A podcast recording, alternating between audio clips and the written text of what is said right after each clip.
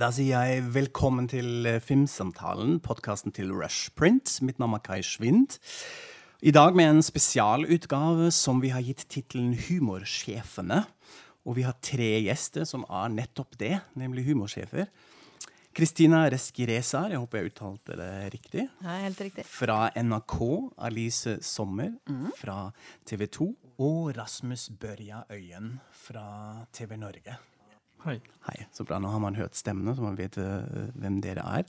Velkommen. Jeg må si at jeg er fortsatt litt i sjokk at vi fikk det til så lett å samle dere her. Det tror jeg vanligvis ikke Var det for lett? Ja. Vi må gjøre oss mer kostbare, det? Absolutt, det er det jeg tenkte. Så det er et eller annet rart her. Vi har så lite å gjøre. Ok.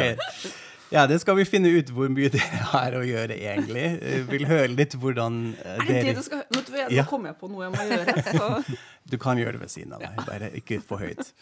Nei, vi skal finne ut uh, hvem dere er, hvordan dere jobber, og prøve litt, i hvert fall, å kartlegge uh, hvordan det ser ut med humor på TV i Norge. Eh, Litt ambisiøs, men, men vi prøver uh, i hvert fall. For det første er det egentlig en riktig tittel, humorsjef. Hva står på kontrakten, Alice? Du, jeg tenkte på det når du sa humorsjefene, for det hørtes ut som det er den humordramaserien du ikke vil se. Det høres jo ikke helt bra ut. Det er jo eh, Eller så, jeg sa vel ja til jobben programredaktør med særskilt ansvar for humor. For det høres litt ut som det kan passe på nynorsk i offentlig forvaltning. Ja. og veldig sånn ryddig. Men så plutselig ble jeg sneket til en humorsjef. Ok. Så det er jo litt mer, det har jo noen sånn revysvung over seg. Ja. Men uh, dere har vært humorsjef lenger enn meg, så Altså, vi er eid av amerikanere, uh, så uh, på, på mitt visittkort så står det 'Head of Comedy'. Selvfølgelig. Ja, det er bedre, vet du. Veldig bra. Head er alltid veldig bra. Ja. Kristina, hva står i Nei, i? NRK er det jo redaksjonssjef eh, humor. Og redaksjonssjefer har vi jo i alle avdelinger. Men på mitt engelske visittkort så står det Head of Comedy. Så det er litt for det, det er enklere å forklare. Men redaksjonssjef er tittelen. Vi driver ikke med visittkort. Har vi ikke. Nei, absolutt. Så bra. okay. Men nå er dere samlet her eh, rundt bordet mitt. Eh, nå tenkte jeg på at hvor ofte er egentlig dere at dere samles? Skjer det mye? Se, ses dere ofte? Eller? Det er hver gang du inviterer. Ja. Og så er det jo, men det er jo ofte i forbindelse med humorfest, har det vel vært eh, nå. I hvert fall i år og i fjor. Ok. Og så har vi jo møttes et par ganger i forbindelse med Komiprisen, fordi vi har sittet i Komipriskomiteen. Det var egentlig min fine Skulle være en overgang, fordi dere har nettopp vært sammen, eh, samlet i Bergen. Ja, du har tenkt. Ja, jeg har tenkt litt. Eh, på Humorfest, eh, som er ja, akkurat det, en, festival, kan man kanskje si, om humor med masse standup og diverse ting. Og da Hva har dere gjort da? Har dere sett på noe spesielt? Eh, Ja, eh, vi kom jo bort eh, på torsdag, og der var vi og så åpningen med som het Humorkontoret med Thomas Seltzer, som jo er NRK. Og så var vi og så eh, Hvorfor det? som hadde Trond-Viggo Torgersen og Thomas Giertsen. Eh, så vi så litt av de som var på scenene, og så var vi jo med et panel av vi tre eh, på fredagen. Så dro vi dessverre hjem fredag kveld, så vi fikk ikke sett så mye mer denne gangen, da. Vi har vel vært lengre før. eh, kan man forstå det som et slags pitching av hva som fins? newcomers, nye talenter som, som dere ser på? Ja. Altså det, Dette var um, mindre etablerte, for å kalle det det, um, med talenter og idémakere som uh, presenterte for uh, alle, de, alle tre kanalene da, det som de uh, hadde i skuffen. Mer sånn indie-pitchere, på en måte. Ja. Litt indie-pitchere. Og så dere noe overraskende, noe uforventet, noe helt nytt? Var det noe som var u... Ja, vi så, Det- som er gøy, det er jo veldig mange morsomme ideer. eh, og så er jo ikke alt som er liksom ferdig til produksjon, men det er mye gøye ideer og mye flinke talenter. Og så var det vel et par ting som, eh, som hadde kommet litt lenger, da. Sånn Lenger enn man pleier på en pitch, ja. Mm. Ja, det syns jeg. Så det er gøy å se, og generelt på Humorfest så Hvis du ikke har fått med alle som er rundt på scenene, så er det et bra sted å liksom oppdatere seg Ja. på hva som foregår. Så man får et slags sånn puls av hva som skjer? Ja, ja. Okay. Ja. Hvordan er det med feedback, Alice, når man da skal gi feedback til folk som begynner og er nye? Og er nye, ja. Ja. Nei, du, det er jo litt eh, Fordi de vil jo alltid veie alt du sier på diverse vekter, da. At eh, det skal liksom fortolkes som liker hun det eller liker hun det ikke. Um, men det er jo at man prøver på en måte å både være konstruktiv samtidig som man ikke eh, altså nå skal vi gifte oss, nå er du signert. Fordi mange tenker jo sånn at det er, eller De som ikke er vant til å ha et produksjonsselskap i ryggen, vet jo ikke helt hvordan det foregår. Så de prøver seg jo litt sånn fram, da.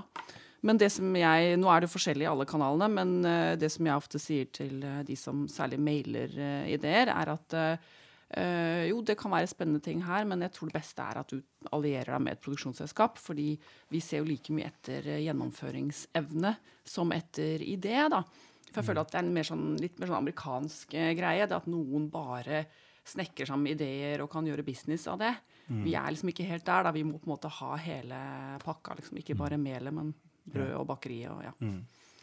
Du, Rasmus, er jo head of comedy. Har det litt mer amerikansk tilnærming også til å gi feedback og ha, gi sånn tilbakemelding til folk og konsepter og ting de sender inn? Nei, det føler jeg ikke. Jeg tror vi har vært eh, ganske like tilbakemeldingsformene hele veien. Um, og eh, jeg forsøker i hvert fall å være ganske konstruktiv og gi også noen, eh, noen forslag på liksom, veien videre. Og det tror jeg er litt avgjørende, i hvert fall når man møter pitcher som er såpass tidlig i fasen, eh, som vi gjorde i Bergen. Så uh, det er ganske langt mellom en idé som kan være god, og det å være TV-format eller TV-program. da. Og det er klart at det, det er jo det liksom det profesjonelle produksjonsmiljøet eh, selvfølgelig er god til. Det er jo å, å lage dette til et program da, som vi kan forholde oss til og ta stilling til til slutt. da. Det jeg har hørt fra komikere og folk som har prøvd å sende inn ting, eh, Kristina, er hvis man sender det til kanskje altså statlige kanaler, store kringkastere, at ting blir fort litt sånn forsvinner i systemet. Eh, hvordan eh, håndterer du dette? Nå alt til deg med en gang, eller eh, Ja, det jo, funker I? NRK er det jo liksom to veier inn. Det ene er til eksternredaksjonen. Eh, og der må man ha med produksjonsselskap for å gjøre det. Eh, men vi får mange ideer sendt rett, og da kommer det rett på mail til meg, eh, stort sett. Eh, tror Vi prøver å være ganske raske på å svare. Altså, jeg tror det har skjedd en veldig profesjonalisering av mottaksapparat for å si sånn, de siste par årene.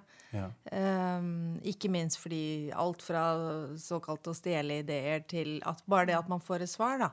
Eh, så vi prøver å være ganske raske. Vi prøver ganske ryddige eller sånn ordentlige òg, det er jo ofte, selv om ikke det er kanskje bra nok nå, så kan det jo være et talent som vi senere ønsker eller får glede av, da. Så jeg tenker at vi prøver liksom å gi en, en tilbakemelding, men at de fortsetter å jobbe med ting, da. Man Så ikke de avfeier de på et tidlig Nei, at man Ja. liksom ikke eh, dreper dem i starten. Nei. Denne babyen her kan jo ingenting. Han bare ligger Ja. der, liksom. Det er klart. Absolutt. Setter man av ti, altså Fins det ordentlig tid i denne redaksjonsflyten? Nå har vi et møte hvor vi diskuterer ting som blir sendt inn, eller skjer det litt mer sånn underveis? Du, Det er egentlig begge deler. Jeg tror eksterne redaksjon i NRK er det veldig sånn satt. Nå setter vi oss ned. Eh, hos oss bare rett og slett fordi det er jo eh, Det er jo ikke lagt opp på samme måte med eksternt samarbeid. Så, eh, men jeg tar det inn på, på prosjektledermøtene. Jeg har jo ni prosjektledere som jobber under meg. Eh, og der går vi gjennom eh, de ideene som kommer. Og så har vi i hvert fall med det er i hvert fall to eller tre på alle pitcher som kommer, sånn at vi kan diskutere oss, eh, eller oss imellom, da. Ok. Uh, før vi går litt videre, en, en siste ting som jeg synes er litt spennende. Når dere er samlet for eksempel, som er eh, i Bergen, og da sitter dere sammen, og man, det er kanskje litt koselig stemning. Og hvordan forholder dere dere til hverandre? da? Er dere da som kollegaer eller som konkurrenter? Altså det, alle kan jo kanskje ha interesse av å plukke opp akkurat den komikeren her. Hvordan Ja, justerer forhold, justerer ja. dere det? altså, Ja. I forhold til den humorfestsettingen så, mm. så er jo den mer en eh, den er jo mer en sånn showcase. Det er jo ikke en reell pitchesetting. Um, så den reflekterer jo ikke sånn hvordan vi jobber egentlig. Eh, det er jo ikke sånn at vi sitter i sånn dommerpanel, og så kommer noen inn og synger og danser, har med seg sjefer og et notestativ, og så blir vi helt sånn wow, det må vi ha. Det er jo ikke, en, det er jo ikke et eh, reality-konsept, da. Eh, så reell pitching får jo gå jo annerledes. Så det her er jo mer at, at vi har da, får da kontakt med nye idéskapere og nye talenter. Eh, mens selve den, der, den ordentlige pitchingen foregår jo på andre måter. Så jeg føler ikke at det er noen sånn konkurranse at de skal velge mentor. Jeg sånn. tenker jo Nei, også at vi er ganske gode kollegaer. Vi, vi treffes jo også ellers. Sånn at vi har jo Det er jo noen fellesting som vi har glede av å bruke hverandre på. Og i og med at vi liksom sitter én og én på denne jobben i ulike kanaler, så har man noen felles utfordringer da, som ikke går på konkurransen løs. Eh, Jeg tror vi liksom har oppdaget at vi har flere ting vi kan snakke om enn ikke. Eller, eller i hvert fall for min del. Ja, nå er jeg jo en ikke-kommersiell her. Ja. Eh, så det er kanskje lettere for meg. Jeg opplever, opplever det så mye hyggeligere enn de andre. Nei. Men jeg opplever eh, Ja. Og så er selvfølgelig er det jo noen konkurranse om talentene. Eh, og det, sånn er det jo hele tiden. Det vet vi. Det var litt sånn, litt sånn norsk svar. Det var litt hyggelig. Men nå er litt sånn Ja. Men hvordan er det tyske faktisk- svaret? Ja. Nei, jeg, jeg tror faktisk det er sant. Da. Ja, okay. det, vi, er, vi møtes som kolleger, og jeg tenker vi, eh, vi, Dette er så lite miljø, eh, en liten bransje. Vi er helt nødt til å samarbeide hvis vi skal gå. Eh, og vi diskuterer jo fag, vi diskuterer liksom metodikk. og uh, uten at dette føles noe komplisert og vanskelig på noe vis. Og så er det jo også sånn at vi faktisk unner hverandre en TV-suksess. Med mindre ikke den går direkte på bekostning av egen. Så, er jo så så gjør vi det. Ja, det er jo så lite miljø, på en måte. Vi er jo, alt henger jo sammen. Og det var jo det vi snakket om i Bergen òg. At eh, sånn som i NRK så snakket om eh, sånn, at vi er i verdensklasse. Og det er ikke bare det at vi skal lage kjempegode program. Det handler om at konkurransen nå er i verdensklasse. Våre største konkurrenter er internasjonale. Netflix, HBO Amazon. Sånn at det, det, er- Vi er jo konkurranse for NRK, da. Vi er jo konkurranse med TV 2 og TV Norge. Men det er, det er jo viktig for oss at det går bra med de. Det er viktig at den norske humoren og identiteten blir ivaretatt. Det er, nest, er på en måte overskygger litt den daglige konkurransen. da. Så det er viktig at det går bra med de andre. Eh, for da går det bra for oss også. Ja, at det lokale innholdet kan Lokale innholdet, den norske vekstvilkår. humoren, er viktig. og da er det kanskje viktigere at dere samles mot den kritikken som kommer, kommer ellers. Det var veldig Det får du vite mer om i serien Humorsjefene. Ikke sant? Ja, ja, jeg tenkte også på den tittelen. Jeg tror jeg pitcher dette neste i, i Bergen Uh. Men det som er litt interessant når man researcher litt, jeg googler dere jo litt og ser uh, hva, hva, hva har blitt skrevet om dere. Uh, um, og generelt egentlig om, om humor på TV i Norge. Og da er det to ting som jeg syns er veldig interessant. Det første er at det er mye, apropos humorsjef, mye sånn tulling med begrepet. Ha-ha, treffer mye anførselstegn. Det er det ene. Og det andre Som icebreaker. Ja, litt, ja, det er det. Litt, litt som jeg, jeg er tysk humorforsker. Det er også hjelper Det er litt også contradiction in terms, er ja. Men det andre er at man i, i mange artikler i hvert fall, at det er en sånn skeptisk undertone til humortilbudet på TV akkurat nå. Det er mye sånn eh, jamring, og nå skal uh, hun, han gjøre dette bedre, eller har de lykke, osv. Dette skal vi bli to om. Det er litt sånn, ja. Ja, ikke sant? Men føler dere altså, hvor, Hvorfor er det sånn? Hvorfor henger det, det med Altså Når man for sammenligner det med uh, sport og idrett på TV, da virker det som det er mye mer kred tilknyttet Mm. til dette. At folk fort blir sånne institusjoner. Sånn prestasjon. Ja. Mens i hvert fall fra det jeg har sett med sånn litt uh, shaky, empirisk uh, fremgangsmåte her, da virker det som det er mye kritikk fra begynnelsen allerede tilknyttet til jobben deres. Ser tror- dere det, Rasmus? Ja, nei, eh, det er et godt spørsmål. Jeg tenker, hvis man, uh, Når det gjelder sport, da, så dekker man jo først og fremst sport på TV. Eh, men når man lager TV-programmer, så er jo det ment for å underholde. Så det er jo en helt annen eh, mulighet for å kunne evaluere om den gjør oppgaven. da. Og jeg tror at eh, ettersom alle har et forhold til TV, så er det veldig lett å mene noe om det. Også humorprogrammer. Så det er jo et gjenstand for, eh, for en del følelser. Og det er klart at eh, TV er jo verdens største hobby. Altså Vi bruker eh, timevis hver uke for å se på TV, og det eh, griper inn i livene våre. Og vi bruker en stor del av livet våre, vårt på det. Så det er klart at eh, eh, det skulle bare mangle at man eh, følte seg hjemme i det innholdet man eh, forvalter og bruker, da, som seer. Så det tenker jeg vi må leve med, og jeg tror kanskje det alltid har vært sånn. I hvert fall etter at monopolet falt og, og det er flere kanaler, så, så finnes det mulighet for å kunne hoppe til en annen kanal eller et annet innhold når som helst. da. Og folk er, det går jo så på smak hva du ler av. Sånn at vi, vi vil vel sikkert aldri greie å liksom tilfredsstille alle. Um, Og så er litt, det er akkurat som en eller annen sånn, mis, en sånn mistro når du ser liksom noen andre ler i skolegården. så tenker jeg, Er det meg de gjør narr av?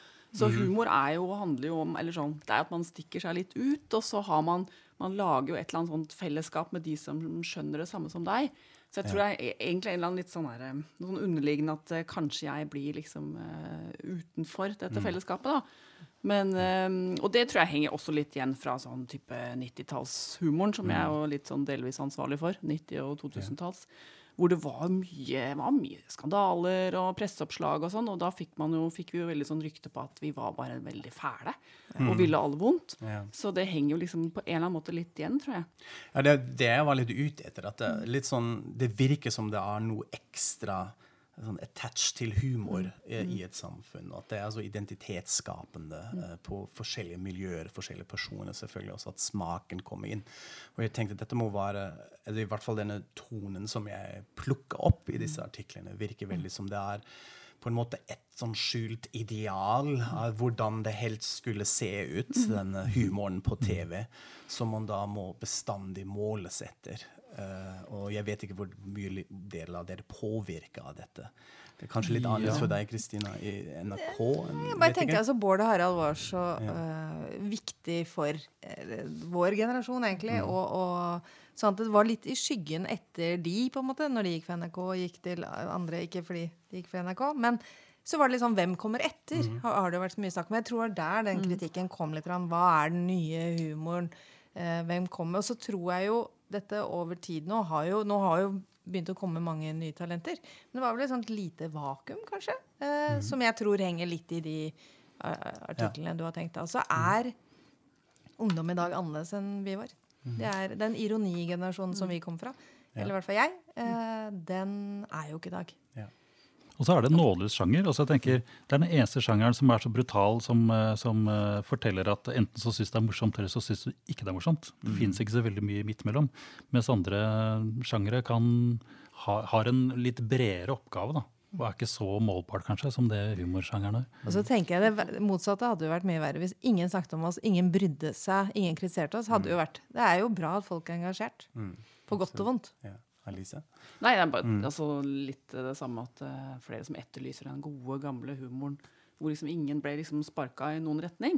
Uh, men det er jo det at å ja, er det, Men er det da tannløst og så videre, ikke sant? Mm. Men det er jo den retorikken at det er litt sånn, um, sånn aggressiv retorikk. da. Enten så går det på å sparke noen eller være tannløs. Ja. at det er jo ikke, Vi er jo ikke i ringen sånn sett. Mm. Uh, men det har liksom blitt oppfatta som en sånn mer sånn retorisk sånn battle. Da. Ja, ikke sant. Ja. Vi skal se litt nærmere på det etterpå, med hvordan det egentlig ser ut med humor i Norge. Mm. Vi vil først bli litt bedre kjent med dere. Mm. Uh, selv jeg tenkte jeg starte med deg, Kristina, og NRK. Ja. Um, beskrivelsen av altså, humorredaksjonen er en del av Underholdningsavdelingen, hvis jeg forsto det riktig. Nå er jeg bare litt sånn interessert i institusjonen. Hvordan er redaksjonen organisert, uh, egentlig? Hvordan, uh, hvordan, jobber dere? Hvor mange av dere? Hvordan funker dette innenfor? Altså, Underholdningsavdelingen er ledet av Charlotte Halvorsen. Mm. Og den består av egentlig tre redaksjoner. Den ene er radio. Eh, som har P13 og Nitimen og, og sånne ting. Og så er det de som jobber i Vent og litt sånn helge- og hverdagsserier. Og så er det en humorredaksjon. Uh, og som jeg jo overtok jobben etter Charlo. Uh, og der uh, er det, det er meg, og så er det akkurat nå ni prosjektledere, eller mhm. produsenter, da, som det heter ute. Ja. Um, og så har jeg noen faste programledere. utover det så hyrer vi på en måte inn alle på prosjekt. Men mange av de er jo ansatt stab er jo mange ansatt i underholdning. Altså produksjonsleder og skripter ja. og sånn. Men vi har en veldig veldig høy andel av frilansere.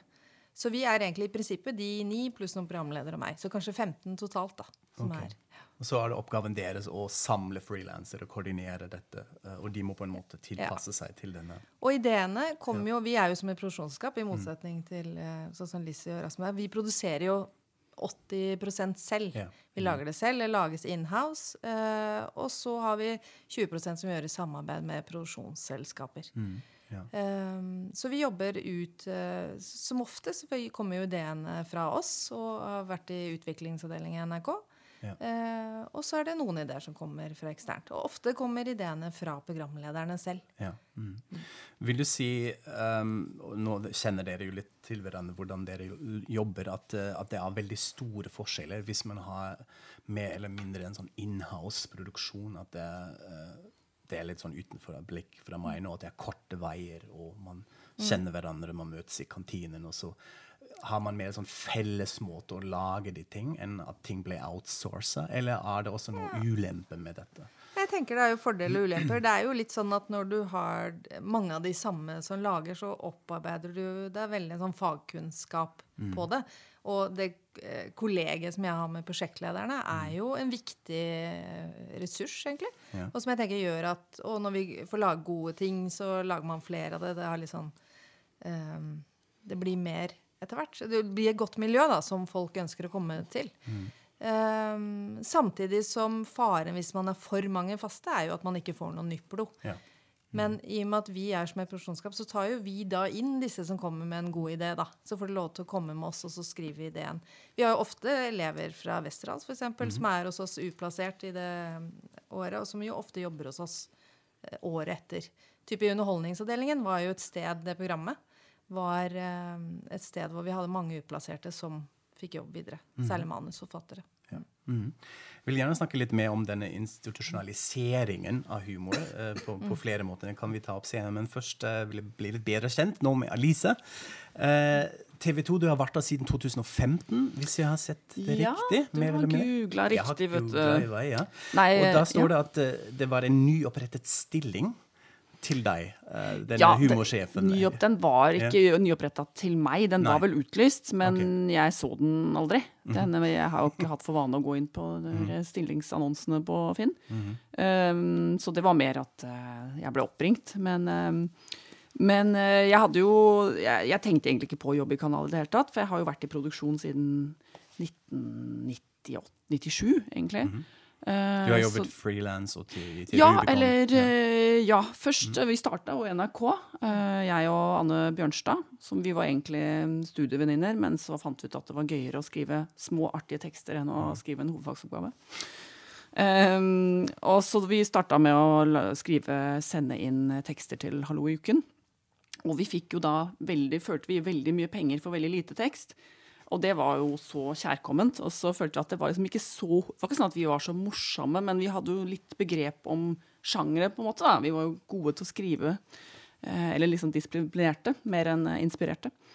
Så det ble en liten sånn biinntekt, og så ble vi da tipsa av Else Michelet om at eh, nå starter opp noe, noe nytt med de fra Lille Lørdag. Eh, talkshow, jeg tror det skal hete Åpen post. Og vi var jo kjempefan av de. Bare, det var jo helt sånn der oppe. Så da tenkte jeg, sa hun bare ring dem og hør. Og det turte jo ikke jeg, i hvert fall. Så da var det Anne som ringte, og hun eh, turte jo heller ikke. Så hun sa til resepsjonen kan jeg få snakke med kan jeg, en av de i Lille Lørdag-redaksjonen. var det hun klarte å få ut av seg. da. Så da frilansa vi for de, og så fikk vi da året etter eh, i Åpen post så var vi, hadde vi da halv stilling, eller 60% Fin stillingsbrøk i NRK, det. Og så var, det jo, var vi med på oppstarten av Nytt på Nytt, den famøse eh, første sesongen. Eh, og så fra da Åpen post Nytt på Nytt, så eh, begynte vi å skrive for eh, TV Norge-produksjoner. I kveld med Thomas Giertsen, Mandagsklubben. Og så var det litt NRK igjen, noe Robert Stoltenberg-ting, litt med Lonas. Tilbake til NRK med Ute i vår hage. Og så begynte Torsdagsklubben. Og da tok jo det veldig mye fokus. Og det var jo ikke sånn at vi satt og nå skal vi lage masse, nå skal vi brenne flagg og holde på. Ja. Så vi bare skrev akkurat sånn som vi hadde pleid å gjøre. Vi var veldig sånn nerdejenter. Men da har du liksom da ble played the field skikkelig før du Ja, sånn, ja da, landet før- på TV 2? Før landa Ja. på TV 2. Nei, så det ble det og ja, Rikets Røst og Golden Goal og mye produksjoner. Så det var egentlig aldri noe snakk om noen kanal, men eh, Nei. Ja. når man først liksom fikk tilbudet, så Ja. føltes det veldig riktig, da. Ja. Og så har jeg sett på dere to og tenkt sånn Sånn vil jeg ha det. Det er bra. Eh, Rasmus, vi blir litt kjent med deg òg. jeg har lest at du gikk fra å være prosjektleder eh, til humoransvarlig innenfor TV Norge-strukturen. Mm. Eh, og du har vært det siden 2014? Altså den eh, Ja. humoransvarlig? Ja, nå husker jeg ikke helt. Det var vel, Jeg har vært i TV Norge i ti år. Ja. Mm -hmm. uh, og eh, så har jeg liksom vært med på hele den reisen fra vi la ned nyheten i 2009 til at vi begynte å satse på humor. Og liksom de, de første store Noen kom på i 2009, noen tidligere også, men liksom i to, fra 2011 så begynte vi virkelig å, å, eh, å kjøre et løp i forhold til den strategien som vi hadde lagt. da. Um, så, um, men jeg begynte først å jobbe med det som den gang kalt, ble kalt nye medier. Eh, Det jobbet jeg med da første året. Og så gikk jeg inn som eh, prosjektleder i programavdelingen og jobbet med underholdningsprogrammer og humor. Eh, og så ble det en spesialisering egentlig inn mot humorsegmentet. Og da var jeg vel, hadde jeg vel ansvar for humor, og så ble dette formalisert som, som humorsjef da i 2014 eller 2013, tror jeg. Mm. Ja. Okay. Eh, men, eh, men jeg har egentlig de siste årene jobbet bare med humor og drama. Mhm. Okay. Det er jo det som også kanskje TV Norge var mest synlig en stund uh, med humorprofilen, at uh, kampanjene var veldig på en måte veldig sånn rettet mot komipersonligheter, men også at kanalen posisjonerte seg veldig med, med det humorprofilet. Jeg bare lurer på, etter oppkjøpet av TV Norge, som ble kjøpt av Discovery, eh, som altså internasjonalt selskap som, som kom inn, eh, var det jo også da en tydelig satsing på humor. Uh, men jeg lurer på hva var utfordringene der? Hvordan har det påvirket dine produksjoner og daglig drift når man plutselig har et sånn internasjonalt selskap rundt seg som sitter i veggene? Ja, altså det er klart at de, de kjøpte jo en suksessbedrift, for å si det sånn. Altså de, de var klar over hva vi drev med, og kursen vår har vært uh, veldig tydelig hele veien. Og det er den fremdeles, og er helt uendret egentlig etter at vi ble kjøpt av Discovery. Det er klart at De har jo gitt oss noen muligheter. Eh, Dette er, finansielt er jo de selvfølgelig store og har en helt annen mulighet enn det vi alene hadde hatt for å kjøpe sportsrettigheter, blant annet. Så det er klart at de har jo um, realisert uh, OL-rettigheter fremover, eh, en rekke fotballrettigheter uh, med flere. da. Så eh, det, er ganske, det er jo betryggende å ha en stor, sterk eier eh, bak oss. Samtidig så opererer jo vi i det norske markedet og er helt avhengig av å fortsette den kursen som vi har satt, fordi vi kjenner dette markedet best. Så ehm, Nei, svaret er vel egentlig nei. Det har ikke påvirket den daglige driften. på en måte. Vi, vi, eh, vi opererer eh, i det norske markedet eh, på en norsk måte. Eh, og det er liksom det norske folket vi skal treffe. Ja. Så det er klart at det er jo Norsk er det jo bare nordmenn som forstår. Så det er liksom ikke noen reisemuligheter annet enn på formatvis. da. Glemmer noen Så- kelnere i Syden. Ja, det, det gjør kanskje det. Nei, da vi, altså, eh, På kontoret så, eh, så, så oppleves det veldig norsk. Og jeg tror okay. man skal lenger inn i gangene for å føle at vi er amerikanske eiere. Også når, når det var litt sånn skift i ledelse uh, rundt Harald Strømme for eksempel, og sånn, så er det på en måte prosess, altså på en måte er det jo kanskje tilknyttet til nye eieren, men det er vanlige prosesser som man ser i andre selskaper, vil du si? Eller har det Ja, eh, altså eh. Harald gjør en helt fantastisk jobb uh, for, for oss og, og opp mot eierne våre. Men toppledere, de kommer og går.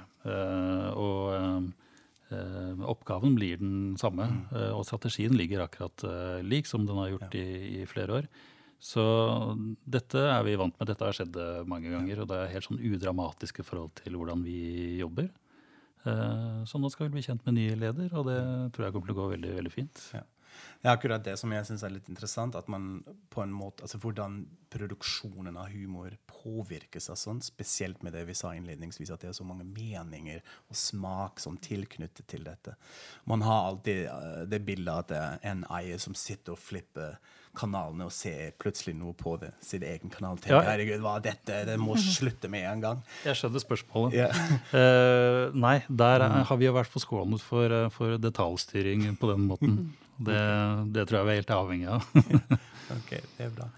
Uh, når man hører dere, det er litt sånn interessant at alle dere kjenner, kjenner strukturen fra de kanalene dere har jobbet i fra før, egentlig. Også litt på tvers. Uh, hvordan er det egentlig en fordel uh, å, å kjenne det, eller er det også ulemper med dette? At man er så kjent med dette man skal jobbe med? Altså jeg tror eh, at eh, en kanal har ofte et type publikum, altså en type seere, som, eh, som det er viktig å være litt kjent med hvis man skal lage innhold for dem. På den måten så tror jeg det er nyttig å ha vært et sted å kjenne en kanal godt når man sitter i, en posisjon hvor man tar avgjørelser på vegne av seerne. Så det svaret er vel ja. Kristina? Ja, jeg prøvde liksom å tenke tilbake på om, om det var viktig. Men eh, ja, det er det. Samtidig som jeg tenker at noen gang Men selvfølgelig, NRK er jo en stor liksom, satt bedrift. Så tror jeg jo jeg tenker En av mine styrker da jeg kom inn i NRK, til å begynne med, var at jeg hadde jobbet i produksjonsselskap. At jeg hadde vært eh, der ute. Eh, jeg tenker jo det er en erfaring og et kontaktnett som jeg har tatt med meg inn i jobben, eh, som var lurt. Eh, så jeg, jeg tror ikke bare det å være ett sted er så lurt. Men når det gjelder Vi må jo eh, som en eh, intern redaksjon må vi jo vi pitche til eh, kringkaster, som vi kaller det, eller mediedivisjonen. Og da er det jo selvfølgelig en fordel å Du må jo skjønne DNA til kanalen din, og du må jo vite hvem du pitcher til, og hvem som også er, er seerne da, i andre enden. Men det lærer man seg etter hvert. Ja. Mm. Um, når vi snakker litt mer om denne institusjonen, synes syns jeg er litt interessant, spesielt når man, altså da jeg kom til Norge, som er ti år siden nå, uh, begynner man å se på TV, og hva fins her, osv. Jeg husker at en av de første tingene var sånn, ah, Nytt på nytt. Det er sånn uh, panelshow her. Det er fint å følge med. Jeg lærte meg litt norsk via det, og finne ut hva som, hva som skjedde. Hvordan, når man har ansvar for et sånn institusjon, f.eks. som Nytt på nytt, hvordan ser man på det? Hvordan håndterer du det som, som har ansvar eh, for dette? Er det viktig med forandringer? Vil man helst prøve å holde det likt? Eh, hvordan eh, ser du på de formatene som egentlig har suksess, som man egentlig. Mm. ikke må jobbe med, tenker jeg. Men jeg tenker, Nytt på Nytt tror jo De har jo gjort mange små endringer over tid, som jeg ikke tror er så synlig kanskje for publikum, men de har jo lagt inn nye oppgaver. de har gjort. Den redaksjonen jo, har jo jobbet i 17 år, mm. eh, som er jo en sjeldenhet i, i vår bransje. Så de har jo holdt på med små endringer hele veien. Og så er det jo, men det er jo Jeg tenker Underholdningsavdelingen i NRK generelt da, har jo en del sånne institusjonsting. Vi har 17. mai, vi har Kvelden for kvelden, vi har Nytt på nytt, vi har noen av de store som betyr Det er jo Dere som har 17. mai, det var sånn Norge-greier. Ja, det er sant. Men sendingene, da. jeg. Men det er mange sånne ting hvor du må ta litt hensyn til mer enn bare å lage et program, da. Eh, så Nytt på nytt, jeg tenker det nå, så har det jo vært disse endringene i, i programlederne. Og før, hver gang det har vært et skifte der, så har du gjort noe sånn Hva gjør vi nå? Og jeg syns jo nå, sånn som redaksjonen jobbet nå som Jon sluttet og Bård skulle begynne, så var det jo interessant, for vi har jo NRK har samarbeid med Olympiatoppen og Operaen som handler om eh, talentbygging. Og der handler det jo om hvordan man jobber med talenter og gjør de eh, bedre. Og det er jo veldig interessant i sporten.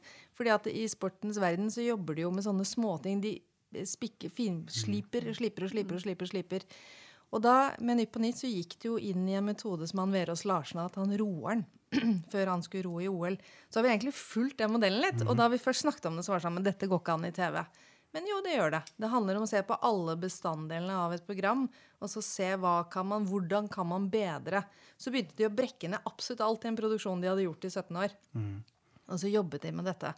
Eh, og som jo Ikke for det, Jon Nei, Bård er jo, var jo kjempeflink. Vi var jo ikke noe nervøs for Bård. Eh, men likevel så visste vi jo ikke Vi visste jo at han greide å gjøre jobben. Men vi visste jo ikke hvordan folk ville mot Eller folket. Ja, for du skifter jo ut et viktig sånn skifter ut et viktig element som har vært så lenge at man vet ikke. Hva, hva er eh, Og jeg tenker at Jon er, var jo kjempeviktig og er kjempeviktig for det programmet, men han var annerledes enn Bård. Men det går an å jobbe veldig metodisk med det. Eh, og det har vært en sånn interessant Selv med så etablerte ting, så går det an å dra til i alle ledd, da. Og det har de vært kjempeflinke til i denne redaksjonen. syns det er interessant at du bruker de. De har jobbet, de har justert det. Ja. Eh, det Men kan- er så ydmyk, vet du. Ja, men jeg lurer på, når vi snakker om Ja. jobbprofilene dine Jeg har kanskje en litt naiv forestilling. Eh, jeg, I mitt forestilling må alltid sånn gå via din, ditt skrivebord. Men du Ja. sier eh, eller, Ja, Hvor mye er du involvert i akkurat det? Ja, det varierer veldig. Jeg tenker Nytt på Nytt er jo en redaksjon som har jobbet så mange år. De kan det bedre enn meg. Ikke sant? De forfatterne har jo vært liksom kjernen og programlederen og hele redaksjon, eller produksjonsapparatet. Det kan de bedre enn meg. Så der er jeg heller igangsetter på Burde vi snakke med Olympiatoppen, da? Og se, kan vi lære noe av, av dem? Men det er en forskjell på Helt nye programmer som jeg er med i, det er jeg jo, der er jeg jo mye mer med. Eh, Når vi skulle sette i gang Side om side, så var jeg med på alt. Ja. Nå er jeg jo ikke med på alt med Side om side. De går av seg selv. Men hver gang vi setter i gang et nytt prosjekt, så er jeg veldig hands on. Og så slipper jeg det. Det er jo derfor jeg har produsenter. Det er jo det viktige, for man er jo alltid med når premissene legges. Det er jo da det er viktig at vi er involvert. da. For det er jo da man tar alle de avgjørelsene som får betydning. Etter hvert som man kommer ut i en produksjon, så blir jo det blir flere og flere avgjørelser, men de blir av mindre og mindre betydning. da. Uh, men uh, jeg føler også at det varierer veldig, sånn de tingene som er uke-til-uke-produksjon. Nå spurte du ikke hvor involvert jeg er, så jeg bare liksom tar det. med Ja, ja, nei. Eh, men der, der er jeg liksom veldig involvert, men det er jo litt fordi jeg har jobba mye med det også. Så talkshows og sånn, sånn som eh, Blipp-show nå, Ja. der er jeg jo med både i forarbeid, på innspilling og i klippen. Eh, men når det er enten noe som er lett produsert i forkant, eller en dramaproduksjon, så er man jo med i oppstarten, så er man med litt underveis, og så så gradvis så bare er man litt til stede, da. Og så ofte så er man da veldig aktiv med igjen i etterarbeid, ikke sant.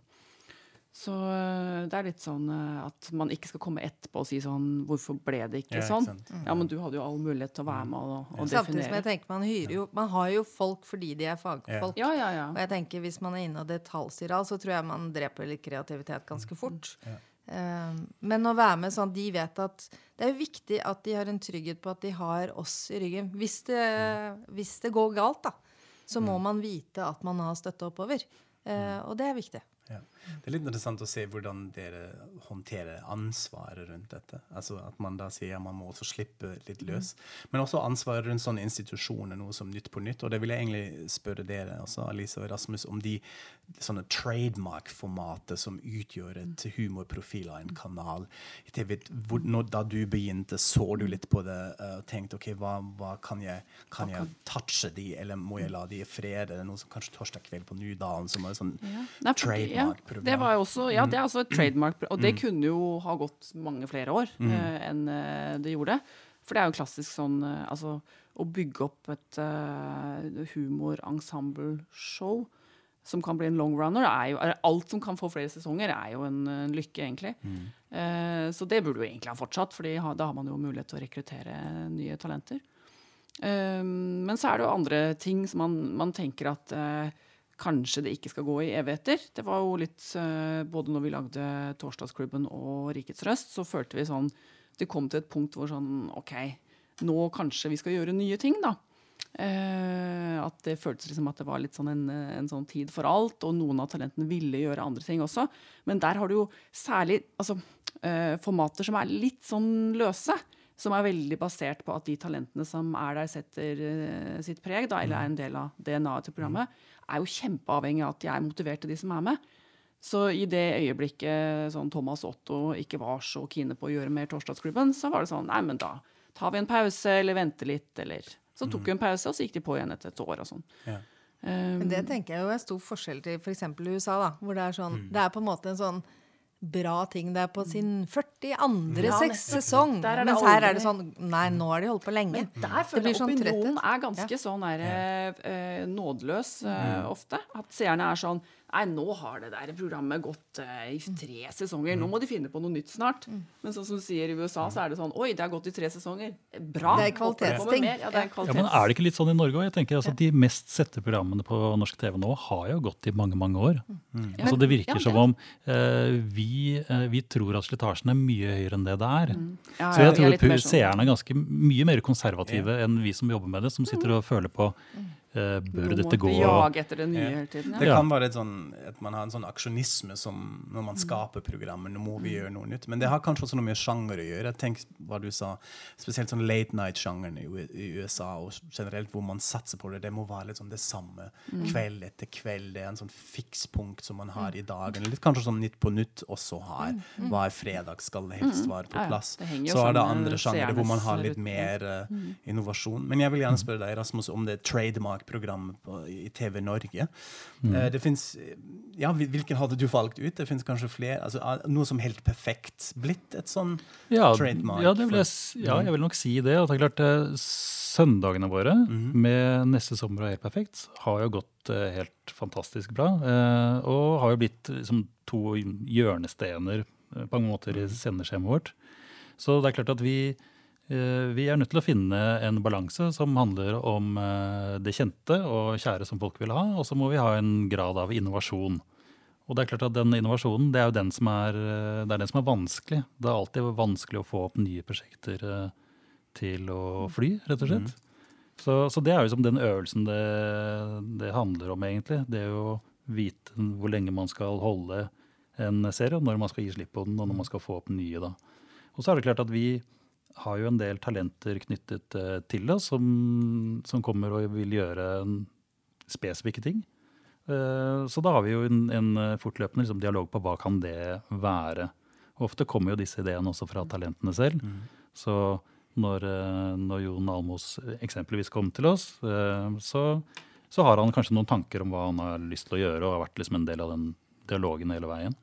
Så, eh, så da går man jo da inn i en utvikling som, med mål om å få opp noe nytt med han. da. Ja. Det er jo kanskje den andre siden til, til akkurat den dynamikken, at noen er litt sånn bestandig. At man jo, han forbundet Jon Almås med Nytt på Nytt i mange år, med NRK. Man snakker jo også om NRK-humor, typisk. Men så har nå dere, TV Norge, tatt over en del av akkurat disse ikonske figurer. Er det en sånn tanke som, hvor, hvor man prøver ja, Skal vi jobbe imot det? Skal vi jobbe med det? Hvordan tenker dere når dere tar over personal som man identifiserer egentlig med en annen kanal og kanskje en annen sjanger og en annen stemning, kanskje? Ja, altså jeg tenker at Det har jo sammenheng med at vi har jo hatt en uttalt satsing eh, mm. på eh, humor. Eh, og har vært et strategisk viktig valg for oss. da. Eh, og det er klart at Hvis vi skal levere på den lovnaden om å være best på humor, noe som vi eh, har som ambisjon, så er vi nødt til å ha de flinkeste folkene til å gjøre det. Og det er klart at da, da er det viktig for oss å ha noen profiler som vi mener kan gjøre den beste jobben eh, med oss og, og for oss. Og og vært eh, årsaken til at vi har knyttet til oss disse talentene. Um, også, men det er klart at alle disse uh, kommer jo fra et sted. Det er jo kanskje Noen av dem begynte i TV Norge, gikk så videre til NRK eller TV 2. Uh, har kommet tilbake til oss. og det er klart at de prosjektene som de gjør uh, hos oss, vil jo bære preg av at det er et TV Norge-program. Så det kanskje ville se litt annerledes ut enn slik uh, det hadde sett ut hvis det gikk på en annen kanal. Eh, Men nå, jeg føler jo på mange måter at humorprogrammene blir likere og likere på de ulike kanalene. Det er eh, veldig mange prosjekter som kunne gått flere steder. Eh, og det er ganske nytt. Fin sånn gjettekonkurranse. Hvilken kanal er dette? Så Ja, Ikke sant? Ja, så det er kanskje en, en endring som har skjedd. At, eh, at eh, disse DNA-ene i de ulike eh, formatene ikke er så kanalknyttet, da. Men at Men jeg tenker det- vi kan jo ta høyere risiko. Jeg tenker NRK kan jo ta høyere risiko. Vi kan prøve nye talenter, vi kan teste ting mer enn de andre kan. Det er jo ikke så rart. I all den tid vi ikke liksom må ha avkastning Ja, på det vi, den kommersielle biten. da. ja. Uh, og jeg tenker det er jo en posisjon vi er helt komfortable med. Vi skjønner jo at TV Norge trenger litt etablerte folk for, uh, for å markere seg, eller TV 2, da, for å markere seg. Uh, det er ikke like Eller har ikke vært, da. Vi får se hvordan fremtiden blir. Det er jo ingen av oss som vet. Men Ja, for vi er også mer sånn i mellomfase. At vi Ja. både skal rekruttere nye, men også holde på etablerte profiler. da, ikke sant? Og det er balansegang. det der, Og for oss eh, som ikke har da en, en, eh, en sidekanal, en avlastningskanal eller en mindre kanal, da, eh, vi kan ikke har ikke anledning til å teste så mye der. Altså Det som vi går i produksjon med, det, skal, på, det skal treffe blanken på første. Så må vi være helt sikre på at det er noe som kommer til å bli bra. Eh, og det er liksom vår virkelighet, og da er vi nødt til å jobbe kanskje på en annen måte. Og også knytte til oss andre typer folk eh, for, å, for å sikre rett og slett kvaliteten. Kanskje vi skulle hatt et sånn felles farmerlag? Ja. Jeg, jeg er veldig sånn glad i fotballmetaforer, også når det gjelder sånn talenter og Fordi du har jo altså sånn Fotballspiller kan jo fungere fint på et annet lag. Og det er ikke sikkert at det skjer så mye med det talentet når de skifter beite, men det kan skje ting, for de får nye oppgaver på det laget. ikke sant? Men eh, igjen så er det jo Men det som jeg tenker er utfordrende i Norge også, er jo litt sånn, sånn som i USA, så er det et eller annet man sier at du skal være med i Game of Thrones, og det skal du være i ti år, og du får ikke lov til å være på noen andre ting. ikke sant? Man har en helt annen eksklusivitet ofte. Eller man kjøper folk fri, da. Ja. Mens vi er jo sånn, vi balanserer side om side. ikke sant? Balanserer, og Så skal de på teater i tre måneder, og så skal de være med på en annen TV-serie, så skal det være hos oss noen måneder. Så få det puslespillet til å gå mer enn sy tre sesonger, da. Man har sånn perspektiv for tre sesonger av gangen. Og så tenker man igjen, og så håper man jo liksom få med. Men det er ikke alltid det går. Eh, som Jon nå, da, som sluttet. ikke sant? Eller, så, han er jo med side om side nå. Men så, så må jo vi legge opp til det. At eh, det er Må liksom alltid forberede oss på endring, da. Det må vi. Tror du at, Det syns jeg er veldig interessant at, at du sa, Rasmus, at uh, man kan egentlig ikke se denne kanalidentiteten så nøye i, i de nye i programmene generelt. Er dere enig Ja, i man kan se strategi Ja, ja Til dels. Altså, man kan jo liksom si ting sånn, sånn som eh, en sånn uttalt strategi som vi har hatt nå siste året, er at vi ønsker at Men det gjelder på en måte alle de fire sjangerne som er hovedsjangerne på TV 2. Da, altså uh, fakta, drama, underholdning og humor. Uh, at alle skal ha en eller annen viss forankring i norsk eh, virkelighet. da. Um, at seerne skal på, på et eller annet nivå kjenne seg igjen i det de ser. Um, men det kan jo liksom virke som en sånn påstand, så det må på en måte også liksom implementeres. Men, eh, men det er jo sånn noe man har på en måte i bakhodet. Så for eksempel, eh, Det er jo ikke noe som seerne ser i noe særlig grad, tror jeg. Men uh, når vi lagde Ram og Tørnquist redder Norge, eh, som vi nå gjør en sesong to av, så var jo det i bakhodet at dette er jo egentlig to komikere som har en litt mer sånn litt mer sånn, Kanskje litt mer sånn street cred på en eller annen måte. Uh, har sin fanskare. Men, at det var med å, men det var en idé som de hadde selv. Altså, så det var ikke sånn at vi prakka på det med et konsept. Men da så vi at uh, her har liksom muligheten til å komme seg ut i Norge at uh, det ikke bare er en sånn beskytta studiosetting. Eh, og da så vi at det skjedde liksom noe nytt, også i forhold til seeropinionen. da. At det er, de har fått liksom seere og tilhengere som de vanligvis ikke har. Eh, Og det er jo litt sånn som vi jobber. Vi har liksom Humor med mening har vært litt sånn tagline for oss internt. da. Tante Som litt Fjas har vært. Ja, tidligere var det. Nei, nei. Men som har vært litt sånn, ikke sant? Når vi starter opp Satiriks, eh, når vi har Nytt på nytt, sånne programmer er viktige for oss. Martin og Mikkelsen nå, nå er litt sånn gjøre eh, politikk litt mer forståelig, gjøre det på en enkel måte. Vi prøver liksom å se, ikke for at alt skal være der, vi har mye bare rent tull og tøys, altså.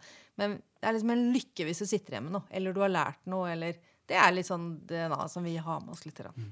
Eh, Vi har med oss. Bare korrigere. eh, altså Jeg mener jo absolutt at kanalene har en identitet og en egenart. Men hvis man går ned på programnivå, så tror jeg at flere programmer kunne gått flere steder. Og så er det noen programmer som ikke kunne gått andre steder. så Som er det bare sikkert Og så er det sikkert også talentene har gått mer imellom nå. Ja. Og det er jo et eller annet med at programmene ofte jeg tenker De beste programmene har jo ildsjelene, de som brenner for det. Noen må løpe foran med den fakkelen, og det er jo ofte talentet. Og når de bytter kanal, så blir jo det med. Det er litt interessant at dere nevnte sjangere òg. Jeg tror det kanskje har noe med det å gjøre at man forbinder noen kanaler mer med en eller annen sjanger. Uh, da vil jeg spørre en, en ting som, som har fascinert meg lenge. Hvorfor er det så utrolig vanskelig å lage sitcom? Det, Eller er dere enig i det? du tenker Sitcom i Norge, ikke sant? Sitcom i Fordi Norge. i USA så står jo sitcom veldig sterkt. Absolutt sitcom i Norge og også i og hjemmelandet mitt, ja. hvor det også er nesten umulig å lage sitcom. Nei, Det var jo egentlig en periode hvor vi Ja. ikke lagde det i det hele tatt. Jeg, jeg, eh, da vi skulle lage Side om side, så var det jo Når vi fikk det oppdraget, så var det jo sånn Nei, det kan vi ikke. Eh, Vi kan ikke lage sitcom. Det går ikke. Det, og så var det sånn Jo, eh, det skal dere. Og det var, det var som jeg nevnte for deg, at de eh, vi, Oppdraget var jo egentlig kan jeg lage Cheers på norsk og oversette det. Og så var det sånn Men nordmenn har ikke noe forhold til å gå på bar etter jobb. Det går De ikke. innrømmer det i hvert fall ikke. Nei, nei, jeg tror ikke det er så vanlig heller. Og Nei, jeg var tror det det er en sånn annen måte. Altså, man går, det er med binge drinking i helgen, Ja. og ikke Det den med å gå hjem sånn. etter jobb og Gjorde et snakke forsøk litt. hos Martin. Det var litt sånn cheers. Ja, det var litt sånn. Okay, ja, ja. Men da var det i hvert fall sånn, vet dere hva? Skal vi, nei, vet du hva? Vi bare klinker til. La oss prøve å lage en norsk sitcom eh, som kan gå på en lørdag. For det er også ikke sant? Det å gå på en lørdag er jo en stor forskjell. Um, og så har jo det eh, gått bra. Men jeg tenker det om en neste sommer om en, Nå Jeg er ikke helt enig med deg at ikke vi, vi Men det kommer litt an på definisjonen av sitcom, kanskje. Ja, for jeg tror, tror ikke du tenker på neste sommer og Helt perfekt og Side om side. For Ja. det er jo hum, altså, det er jo dramedy, single Jo, kamera men jeg tenker Modern Family også. En Ja, ja, ja. Modern Family, og det er jo ikke i studio. Det er jo jeg bare sitcom. tror at den studio-sitcomen er en litt gammel ting. Ja. Så det kan godt hende det kommer tilbake. Ja, altså det er litt interessant akkurat med denne multicam-sitcom og med foran publikum og latter, eh, som på en måte er ikke hip and happening lenger. Samtidig har formatet som Tune of Man Men eller Big Bang Theory Ja, men i. USA så er det mange som vil commissione altså sånn fam familiesitcom som Ja, er som multicam. fun- Det er jo veldig sånn. Ja. Men i Norge så tror jeg det, Sånn som de seriene der, de føyer seg jo inn i en mer eh, sånn dramatradisjon. Men de har, jo, de har jo sitcom-oppsettet med forutsigbare karakterer, at det er situasjonene Ja. som endrer seg og sånn. Ja, og jeg Men- tenker det er jo ikke sant, det at karakteren Når du går og legger deg om kvelden og du står opp om morgenen, så har du ikke lært noe. Nei, Nei, Det er den. De største er forskjellen. Ja. Ikke sant? Det er jo litt sånn Donald Duck. Du gjør de samme feilene om og om igjen. Men, men jeg bare jeg bare føler at vi, både vi og de, og de andre kanalene at man kn har knukket en eller annen kode der som man ikke turte å gå helt inn på en del år. da. Eh, og Sitcom hadde litt sånn lavere status på et eller annet vis en stund. Ja. Eh, Men, vi kan, men dere kaller jo ikke, masse dere kaller jo ikke sitcom utad. Det er jo humordrama. Ja, vi det er. kaller det jo sier sitcom, faktisk. Ja, det tror Ja. vi gjør. Gjør det? Men, eh, men, men det er klart, det er jo noe helt annet, sånn som du Jeg tror spørsmålet er eh, det sånn studiebaserte med publikum. Ja, absolutt. Altså, man, Det man har jo- to, det har jo skjedd mye innenfor sjangeren som gjør egentlig sitcom til en utrolig spennende sjanger å se på, fordi man har gått fra disse multicams til det man kaller hybrid-sitcomer, altså som Ja. drar inn andre Ja, ja. sjangere osv. Og Helt perfekt er kanskje et veldig bra eksempel for dette. Absolutt. Mockumentary-stil, litt uh, Men ikke sant, du kan, ha, du kan ha Ja. mer kunstneriske ambisjoner. Og du skriver jo annerledes for noe som er single cam enn multicam. fordi der må du hele tida skrive for, for salen. da. Eh, så det er liksom, hver replikk må enten være en joke eller må hjelpe fram eh, til neste Men scene. jeg tenker jo, eh, jeg syns jo Big Bang Theory synes jeg er en helt fantastisk serie. Det- og jeg tenker jeg skulle jo gjerne ønske at vi hadde laget det. Men det er Jeg tror det største utfordringen i Norge er, motsatt, er rett og slett disse skriverommene. Vi har ikke, de har en tradisjon med veldig profesjonelle Det fins jo skrivere i USA som har jobbet og aldri hatt på en eneste serie. De har bare jobbet med piloter eller Det er så De har aldri vært utendørs, faktisk. Nei, de har aldri vært utendørs, bare inne i den lille studiohytten. Men det har ikke vi i Norge. Så jeg tror, og det jeg tror når du går i et studio sitcom i USA Jeg tror ikke skuespillerne endrer et ord. Jeg tror Det er ikke et punktum som ikke skal være der det er, eller komma eller sånne ting. Det har jo ikke vi i Norge. Skuespillerne har jo litt mer frihet. De improviserer. Det gjør du ikke på en amerikansk sitcom. Det er, litt- altså Manusforfatteren er Gud. ikke sant? Sånn at eh, den tradisjonen har ikke vi. Og hvis jeg liksom skulle ønske noe her, så var det jo en enda mer profesjonalisering av manusfattere. Jeg ønsker liksom mer påfyll. Der har liksom alle en jobb å gjøre. Både profesjonsledere og, og Nei, produksjonsselskap Men der har jo også vi, altså alle kanalene, et ansvar egentlig i forhold til å stimulere et uh, miljø, slik at man kan få opp flere forfattere. For det er klart at det, dette handler om mengdetrening. Eh, og nå er det uh, såpass Det er mange forfattere, men det er dessverre ganske få veldig gode. Eh, så de er jo alltid i jobb, og det er vanskelig å få opp nye. fordi rett og slett det er ikke så mange som ønsker å bære den risikoen med å benytte uetablerte. Så det, det har vi liksom et felles ansvar eh, for. Som, Og det eh, er jo en av de tingene vi har snakket sammen om før. Nettopp. Om, om det behovet. Det er typen felles ting vi alle er opptatt Felles av. ressurs, ja. Ja. Mm. Det er jo, men det hadde selvfølgelig vært veldig spennende med en multicam sitcom i Norge. Men du ja, da jo kan jeg jo faktisk røpe at det er eh, at vi jobber med noe nå som Åh. ser svært lovende ut. Eh, Blir det latter på voks, eller blir det taped in Vet front hva, of a live Eh, studio? vi har gjort en pilot, Ja. og det var mye ekte latter fra publikum. Man hører. Så fortsatt. Ja. eh, Men det er det som er denne utfordringa. fordi eh, hvis det funker, så kan det jo bli veldig bra. Fordi Mm. eh, vi får altså så mye henvendelser fra folk som vil se mot uh, i brøstet, Mm. Carl og Ja, på gang, altså på nytt og nytt. Og de, de, de topper alt på sumo. Ja. Men det er jo Så det, er det som er så interessant. Når man ser på disse spørreundersøkelser, hva folk Mm. ønsker seg, så scorer dette utrolig høy. Samtidig som den tradisjonelle sitcom har uh, sånn stigma rundt det, at det er noe gammeldags og Mm. ukul. Men jeg tror også at det har noe Så det er det mest, først og fremst en markedsføringsting. At man kan ikke kalle det sitcom lenger. Man må kanskje ja, må- komme med via innhold. Men det er veldig spennende, fordi jeg tror også at det pendler, kan pendle tilbake. At man kan sånn re At man kan revitalisere det. Den den- den ja. Jeg tror det, og det, man må jo lage det moderne Ja, eh, og, og troverdig, og det er kanskje noe av det som er Ja. problemet med de tidligere De produksjonene. tidligere produksjonene Du tror ikke helt på det, for det er litt sånn stilisert, det er litt tablåaktig, det er litt mye sånn to... utestemme, Ja. veldig mye slamring med dører. Ja. Er litt for mye sånn i norsk mm. revytradisjon. Og så går man kanskje litt, tørr, litt tørt på ideer også, hvis, det, hvis man er i den samme stuen og det samme kjøkkenet eksempelvis, så er det kanskje begrenset hvor mye tilførsel av, av nye ting som kan komme inn. Så det gjelder jo å finne et, et, et univers da, som er åpent nok til at man kan få eh, nok innhold. rett og Men jeg tenker også, for vi har jo ofte eh, undersøkt det, så er for, for oss da, å bygge opp en dekk i studio som er troverdig, som ikke rister veggene hver gang en dør lukkes, eh, eh, er så eh, kostnad, altså det er så dyrt at vi har jo ofte, for når vi lager noen sitcomer, så har vi ofte veid sånn opp, hva koster det å leie seg inn noen leiligheter, eh, sånn, versus å bygge det opp i studio. opp, Og studio har vært så dyrt at det har ikke vært mulig for oss å gjøre det. Og det er viktig, for vi lager 6, 8, 10, 12 kanskje maks episoder. ikke sant? I USA så lager man 22. Ja. I, og da begynner kostnaden, da begynner det å, liksom, å ligne på noe. Mm. Um, og det tror jeg i fremtiden nå, så er det jo litt sånn at vi lager på disse dramaseriene vi gjør òg, så lager vi mellom 6 og 12 da, Mm. per sesong. Det er jo enorme pengesummer som går ut i veldig kort sesong, og så må seerne vente et ett år til å få nye Ja, favoritten sin. Og det tror jeg ikke På sikt der må man liksom se Mm. hele bransjen se på hvordan vi kan komme opp i antall og Mm. i tempo i produksjon. En annen ting som ofte kritikken går utover, at publikum har ikke ha- fått, fått nok tid til å oppdage disse formatene, til å bli kjent med en viss humor og sånn.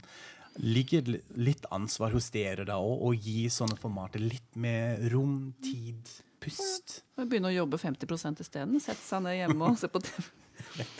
Det- Jeg føler at vi gjør det Vi er ganske tydelige. Sånn som på Side om side eller Martin Mikkelsen eller Underholdningsdelen, så var det veldig sånn at vi sier alltid vi har en intensjon om å starte i hvert fall med tre sesonger. Og det gir jo en ro til alle som jobber med det. Og så er det selvfølgelig, hvis det er fullstendig krise, så gjør man ikke det. Men jeg tror det gjør noe med folkene når du går inn i en produksjon, da. Så du vet at dette her skal i hvert fall gå tre sesonger. Mm. Ja, Vi jobber jo på helt lik måte. Altså vi, eh, det er jo med tanke på flere sesonger vi setter i gang en produksjon. Så ehm, eh, Derfor så er vi jo ganske nøye i, i utvelgelsen av hva vi går for, slik at vi ser at det finnes et potensial i flere sesonger. Da. For det er klart, det er jo så riktig som du sier, det er så, nå er sengen så fragmentert, og det er så mange tilbydere at det kan ta litt tid før rett og slett publikum oppdager Ja. ja. produksjonene. For ja, Vi prøver jo det vi kan med promotering og markedsføring, men det er litt sånn eh, eh, Altså eh, Det var et eller annet spørsmål du hadde som, så om eh, hva er denne generasjonen her, hvis det var ironigenerasjonen på 90-tallet. Men jeg føler at det er veldig sånn fragmentert, så det er kanskje litt mer sånn buffé-generasjonen. da. At de plukker liksom litt her, litt der, og det blir litt sånn eklektisk. Eh, så jeg føler ikke at det er sånn én identitet, at det er litt sånn, eh, litt sånn her og der, da. Det er et utålmodig publikum. Ja, u ja ikke sant. Veldig. Og de får rett og slett Jeg har jo to tenåringer, og jeg blir så fortvilt. De får ikke med seg hva som går på NRK engang. Ja. Sånn, jeg føler De burde være programforpliktet. Men, de, men de gjør ikke det. De følger ikke helt med. De får, det er litt sånn tilfeldig. Og jeg som mor kan jo ikke si til dem at de skal se noe, for da ser de ikke noe.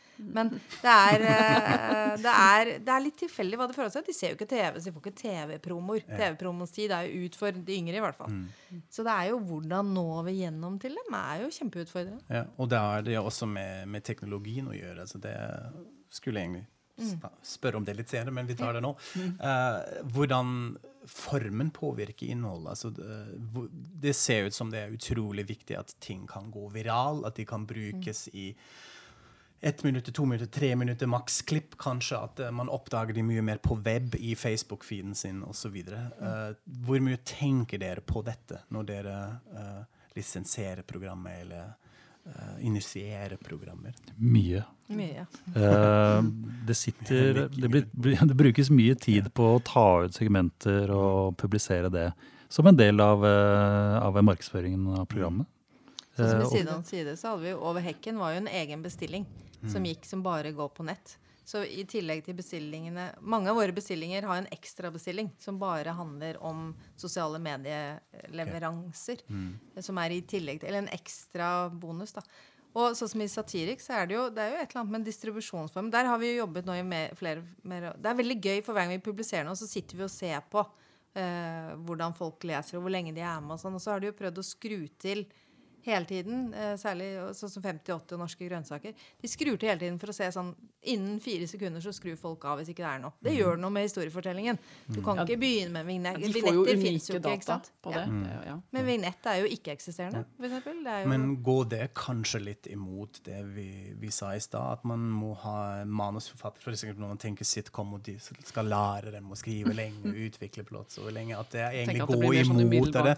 At du må ha geggen på plass etter 20 sekunder osv. Hvis du ser på det- amerikanske, de leverer jo vitser Mm. hele tiden. Ja, ja, ja. Puncher hele tiden. Ja, ja. Men kravet til innholdet er jo minst like høyt for det. Mm. Eh, men hva som liksom når gjennom ikke sant? Det som er fordelen med dere i NRK, at dere har jo mulighet til å ha eh, finansiere egne nettsatsinger. Eh, mens eh, i hvert fall i TV 2, og jeg tror også det er sånn i TV Norge, så må det henge sammen med en lineær satsing. Fordi man har ikke helt liksom kommet dit hen at man eh, Den der nye økonomien som er på OTT, å få, altså, kunne regne igjen prosjekter. For det er ikke noe spesielt mye billigere å lage fem minutter som skal gå på nett, og fem minutter som skal gå på TV. ikke sant? Ja. Jeg syns det er litt interessant spesielt med visse former av humor. Når jeg tenker sånn absurd humor som man hadde i Humor New, sånn hva er det? Clips som kan bare dukke opp og forvirre litt. Eh, eh, men funker veldig bra akkurat for det. Men det er kanskje også da den utfordringen ligger når man tenker sitcom. Fins det en ny måte å fortelle det uh, med kortere episoder som funker da på YouTube etter hvert, osv. Så, videre, og så, videre. så det er sikkert Hvis, ja. en sånn tilpasning. Istedenfor de der kommersielle halvtimene. Ja. Ja, det er klart. Jeg tror jo eh, noen ideer bærer kanskje i noen minutter. Mm. eh, og som gir en helt annen, et helt annet åpningsrom. Da. Men det er klart, eh, hvis du skal inn i en kommersiell halvtime, som er liksom den korteste lengden på TV, Mm. så, så, er det, så er det et par og tyve minutter. Og det er ganske, et, et ganske annet format. Da. Mm. Men i kjølvannet av Skam så kommer det vel nettrammer på alle kanaler, gjør det ikke da? Jeg regner jo med det. Ja, Jo da. ja, det noe med- Ja. Og det er vi, jeg kjenner jo det, som har ligget ganske langt bak eh, på eh, den digitale plattformen, at eh, det er der vi møter de vi nå mister på lineær TV. Så det kommer til å være en sånn ganske dramatisk satsing i alle mediehusene, tror jeg, eh, digitalt. Og NRK er jo langt på vei allerede. Men det er jo som, eh, som du sier, at eh, vi er nødt til å regne hjem den investeringen. Som er liksom det, de kommersielle kanalenes utfordring, men, men som vi er helt avhengig av for å kunne gå inn i fremtiden og fremdeles liksom ha det samme seergrunnlaget. Da. Mm. Ja, det. Men det er, jo, vi står jo, det er jo en usikker tid at ingen vet jo hva som er om tre år. Samtidig som jeg tenker sånn Og man kan jo enten bare grave seg ned og tenke sånn Jeg aner ikke hva som kommer om tre år. Eller så kan man tenke herregud, vi er jo midt i en gullalder. For alt er jo mulig. Ikke sant? Det, er jo, det er jo to innganger eh, til det. For jeg tenker nå er det virkelig sånn at vi er med Vi er faktisk med i en tid hvor vi former. Eh, Ja, er for ti år siden var det jo ikke sånn. Da var det jo bare å gjøre det samme. Nå er det jo og det er jo, da er det litt rom, kanskje større rom, egentlig, for liksom prøve å feile òg. Fordi vi finner ut av dette sammen. Så jeg tenker egentlig er det en gulltid også. Liksom, for Ja, helt opplagt. Helt klart. Ja, ja, og alt det med at uh, lineær TV er død og sånn, det er bare eh, sånn som i USA så snakker de om at uh, dette er the second golden age of television. Og at hvis du er manusforfatter, f.eks., så uh, nytter det ikke å bare ha liksom, film i porteføljen. Du må ha eh, noen TV-produksjoner å vise til for å liksom bli representert av en manager og sånn som de driver med der. Og det er gøy å se på de amerikanske talkshowene nå, for de har jo endret seg. De er jo segmentert opp sånn at hvert, hver eneste lille bit kan jo gå viralt. De er jo nesten liksom lagt opp for, uh, for nettdistribusjon. Og så tilfeldigvis så er det sydd sammen til TV. De tenker jo sånn. Det er jo hele tiden delt opp i biter, mye mer i motsetning til før. Men Og det det- er jo akkurat Ja, og jeg tenker bare sånn, eh, Medieforbruket øker jo bare. Eh, så det er jo helt riktig, dette er jo bare en mulighet som vi, eh, som vi selvfølgelig jobber med hele tiden. Men vi kommer jo til å stå i den. I helgen så samles jo fortsatt familien lineært. Så i den spagaten eh, spagaten med å lage helge, bred helgeunderholdning for familie Det er i Lykken, så, så apropos å være tenåringsmål, Lykken hvis de vil sitte sammen med i sofaen, Mm, er jo stor. Den er jo kjempestor. Sånn at den kommer vi til å stå i en stund til. Men så må vi liksom forberede oss på Ja, for det er Det det, og så er det alt som er sånn event og live. Det er derfor liksom sport gjør det Det bra, og store awardshow også. Men sånn tilbake til humor. det er jo det, altså Hvis man sier at humor også reflekterer samfunnet, så har man kanskje et mer sånn fragmentert mediesamfunn, og da speiles det også i humor. Eh, så man, det gir mening at det er litt mer fragmentert hvordan det fungerer. Eh, en sånn siste ting om sjanger, før vi ser litt på eh, humor i Norge generelt. Eh, apropos der, hvordan er det med politisk satire? Eh, har vi et sånn vakuum da, med et litt sånn go to-format, som man f.eks. har også igjen i USA, som var The Daily Show? Eh, som Last Week fortsatt, Tonight, Last altså, Week Tonight, Tonight nå, som okay. fins fortsatt. Um, hvorfor fins det ikke i Norge på den måten? Er dere enig i det? Fins det noe? Du, det er mange som eh, har pitcha det. jeg- Mhm. Eller i hvert fall til oss. Og jeg tipper at alle dere har vært inne på det på et eller annet tidspunkt. Uh, men uh, altså, alle de showene der, de springer jo liksom ut av altså, Dette er jo en amerikansk late night-tradisjon. Og det kanskje nærmeste vi var en gang, i hvert fall på TV 2, var jo når eh, Otto skulle gjøre Rikets røst. For da var det jo Daily Show som var forelegget den gangen. Også med de korrespondentene. ikke sant? Men eh, det så jo ikke ut som noe Daily Show når det kom til oss. Eh, for da ble det veldig sånn Det ble jo Otto sitt program. Eh, og det er jo for Hvis man har et ønske om å gjøre det likt som i USA, så er jo ikke det no, jeg tror at det er ikke noe sånn godt utgangspunkt. da.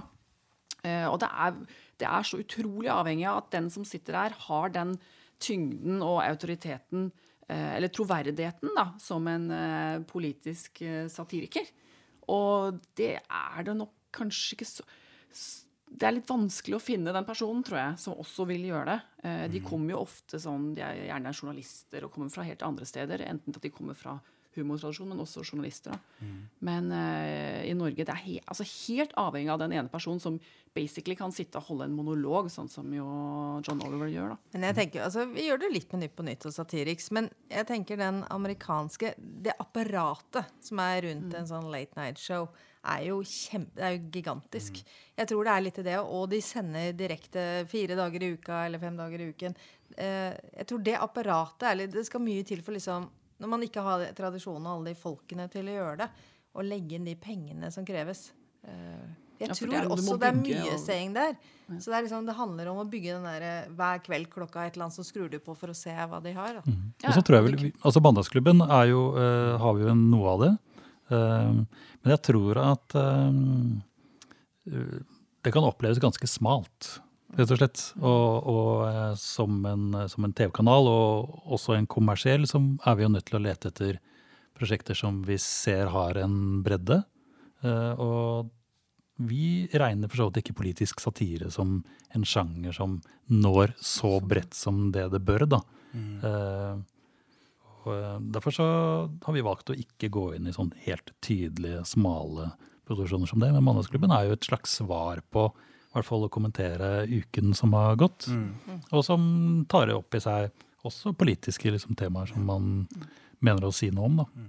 Og så gjør man det kanskje liksom Vi har jo Trygdekontoret som vi også lager, og det gjør vi jo også. Det er jo på en måte Det er jo ikke humor-humor, men det lages jo i humorredaksjonen. Ehm, sånn at det, det gjør vi. Og Svart humor med Josef òg er jo et skråblikk eh, samfunn, men vi gjør det bare ikke den samme formen, da. Ja, for det er jo den panelsettingen som er i Nytt på Nytt og Mandagsklubben. Den er jo folk veldig sånn komfortable med og kjent, og den er jo egentlig mer fra den engelske TV-tradisjonen. da, De har jo en haugevis med panelshows. Mens det, dette er mer den der amerikanske, som jo er mer akkurat som en nyhetsoppleser eller en som har et magasin. Men det er jo kjempegøy. På sitt beste er det jo Ja, helt ja, ja, ja. fantastiske. Men man kan jo også trekke noe eh, litt sånn, kanskje større samfunns- eller sosiokulturelle analyse på det. Hvordan forholdet mellom politikk og underholdning er, Er i i forskjellige land. I Norge virker det jo mer tilgjengelig. altså Politikere stiller opp generelt mye mer Har du på mistet tvers sin av medier, brodd og sånn? Er det det? Ja, Ja, jo, jo. men- ja, absolutt. Ja, men- men, i USA eh, og i andre land òg har man virker som man har litt sånn større skille, hvor også den politiske satiren fungerer litt på en annen måte. f- Har en annen tilnærming. Og det er jo litt uh, eh, sånn, Jeg sitter jo i juryen for internasjonal Emmer på humor. Og da er det jo interessant, for når de sørafrikanske bidragene kommer, så er det jo det satire, satire, satire. De har jo så mye å ta av. Ja. Og det er jo litt i Norge 2017. Uh, vi lever jo ganske godt. Det er ikke, Mm, det er ikke så mye å ta av. Jeg vet ikke om vi greier å liksom klinge hardt til fire dager i uken på Nei, det er både med hvordan Mer å ta av. hvor at det går greit med Norge, pluss at uh, selvfølgelig da at lineærseingen Eller det er litt andre seervaner også. Så det at eh, sånn som når folk satt og holdt av torsdagen for å se Torsdagsklubben live. Ja. Men det er jo ingen som gjør det med TV-program på samme måten. Sånn, nå kommer den vitsen etter en uke. Nå blir jo alle ting tatt ut uh, i sosiale medier den dagen det skjer en nyhet. da, ikke sant? Så det er en blanding at det er kanskje ikke så politisk immanent. Vi må Mm. Styre med mot Vi trenger diktatur her for å ha bedre politisk satire. Ja, det kan, men det kan også hende at man tar ut en del av det på radio. Altså, Ja, ja. Det er mm. kanskje kanskje enklere å få til på Ja. radio enn på TV. Så er det visse ting som er for enkelt å tulle med. vet du. Det er sånn som Jeg, jeg har jo blitt mobba for det, fordi jeg bruker litt sånn tyske fraser innimellom. Men at enkelte ting er sånn 'gefundenes fressen'. Ja. At det er bare sånn å løpe til det alle vet at det kan man bare tulle med. Found food. Det, ja. Du vet dette her som er tysk. Men, eh, men det er jo litt sånn spennende, for du har jo tysk bakgrunn og jobber med, med humor. Eh, og sånn som jeg opplever liksom sånn Tyskland, nå har jeg bare, jeg bodde der til jeg var tolv, Mhm. men der var det enten så var det veldig sånn Det var politisk satire, og det var veldig sånn viktig. Det var sånn moren min fulgte med sånn Mhm. Ja, ja. Dette, skal jeg se på, dette er liksom ordentlig. Eller så var det tutti frutti. Ja, og da var det mye pupper og sånn. Ja. Men man har jo også den, en annen tradisjon der er med politisk kabarett, altså kabarettradisjon, som er med en sånn Litt sånn besserwissing, lecturing. Mm. snakk anekdotisk, ikke nødvendigvis så punchline-basert. Hvor folk da snakker om hvordan det går med politikken og samfunnet. Og så kom denne comedy-bølgen egentlig vi, fra USA. det vi kan gjøre, er å ta taxi. Da får vi den samme Ja, det er litt mer sånn. Så det er en annen tradisjon for akkurat det. Men jeg synes det, det Men var det var vel sånn som Åpen post var, som jo Bård og Harald plukket opp etter hvert. Men Åpen post opprinnelig var jo et sånt samtaleprogram som jo hadde åpen ende. Hvis det var interessant og det var høy Ja, er temperatur, så sluttet jo de drakk og røykte i studio og sånn. Og så kunne det vare i tre timer eller en halvtime. Ja, ja. Avhengig av. Det var jo veldig gøy. Og der Som en podkast, egentlig. Ja. Apropos tre timer. eh, Det er noen av de andre spørsmål jeg vil få gjennom før vi eh, må runde av. Men det er viktig å gjøre det smale relevant, da. Det Ja. snakker vi ganske mye om. At Ja. hvis vi greier å få det smale ikke, ikke det smale bredt, men at det smale blir relevant, det er kult. Og det er jo litt sånn Når man ser på hvem representerer Humor Eh, Litt sånn interessant ting da. Og jeg har nå binga uh, flere programmer deres uh, i helgen og ukene før. Og jeg sitter med et sånn inntrykk at det virker som det er mest hvite menn mellom 20 og 30, kanskje 40, som Kanskje 50, eh, representerer dette nå. Altså, hvem representerer egentlig Humor-Norge? da? Er dere enige i dette? Altså, er det et sånn Det var gøy, for vi, så jo, vi snakket bitte litt om det spørsmålet 20-30, og vi var sånn you wish. Jo, Ja, det er mer 40-50. Ja. Ja, det er en del av de gamle gubbene er på egentlig plass. mer det, at, men eh, når eh, man ser på de altså, nye Jeg føler at vi har mange jenter hos oss. Altså. Ja. Jeg tenker på det. Jeg prøvde, for jeg så i spørsmålene, så var det prøvde å tenke gjennom. Og Mm. jeg vil jo si i de fleste produksjonene vi har, så er det Nå er Martin Mikkelsen selvfølgelig jeg tok Ja. til. Men ellers så prøver vi å ha Hvis du tenker side om side, så er det jo halvparten av hver. Om det er halvpart ganske mange eh, produksjoner. Jeg tenker ikke at det er sånn veldig Men det kommer jo an på hvilken I de yngre så tenker jeg det kommer nye og flere humorister, både jenter og gutter. Um, men selvfølgelig, det var jo Det har jo vært et vakuum der. Men, ja, du har jo Pernille Sørensen, du har Linn Skåber Du har jo mange jenter Else som Kåss. også er med. Ja. Else Kåss er med. Men det er jo, men det er jo litt sånn påtagelig at de som på en måte breaka på uh, seint 90-tall, er jo med fortsatt. Mm. Så Ja. det er eh, Men det tenker det er ikke det, det er jo litt bra òg. Men jeg syns synes jo sånn som i Vikingene, så har vi uh, Silje Torp, for eksempel, som er litt sånn Amazon Jeg synes det er en veldig kul rolle. Kjenner jeg blir skikkelig glad av å se henne. Ja. Og Kristine Riis er morsom, og vi har med jenterollene der òg. Hvor obs er dere på å representere sånn innvandrerbakgrunn òg? Altså, det er jo mye mer en del av det, hvordan de lever i dag, selvfølgelig. Men eh, det fins også en del uh, komikere med innvandrerbakgrunn, men kanskje ikke så mange. Er det noe dere er spesielt obs på, eller er det ikke en sånn tilnærming? Ja. Vet du hva, Det er kjempeviktig, og jeg tenker det er en utfordring som, eh, som vi alle må ta på alvor. Eh, og så er det Vi har jo noen som har vært med oss, både Jonis og Josef og Josef Hathaway. Eh, og vi hadde jo Abu også. Eh, men det er ikke så mange komikere, men det, det kommer flere. Og så tror jeg f.eks. i sitcomene våre at Eller andre serier, da. At det, det er um, lurt å tenke på at man skal speile Norge. I Virkelig. alle Også, og Norge er ikke kritthvitt lenger. Sånn er det ikke. Eh, og så trenger det ikke være at den pakistanske familien har flyttet inn next door, og det er rart. Man må begynne å gjøre For jeg tror det er det som er problemet. Når det liksom, jeg tenker at det er helt, På arbeidsplassen vår så har man flerkulturelle. Du har det i butikken, du har det eh, Altså du har det i alle miljøer.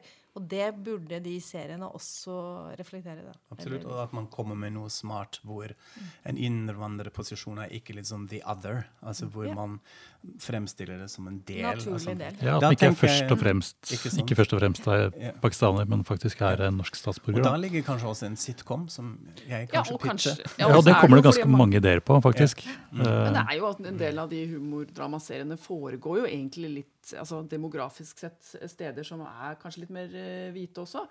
Så det er bare kom til mitt strøk av byen, og så legg en serie dit, så vil det på en måte gi seg selv, da.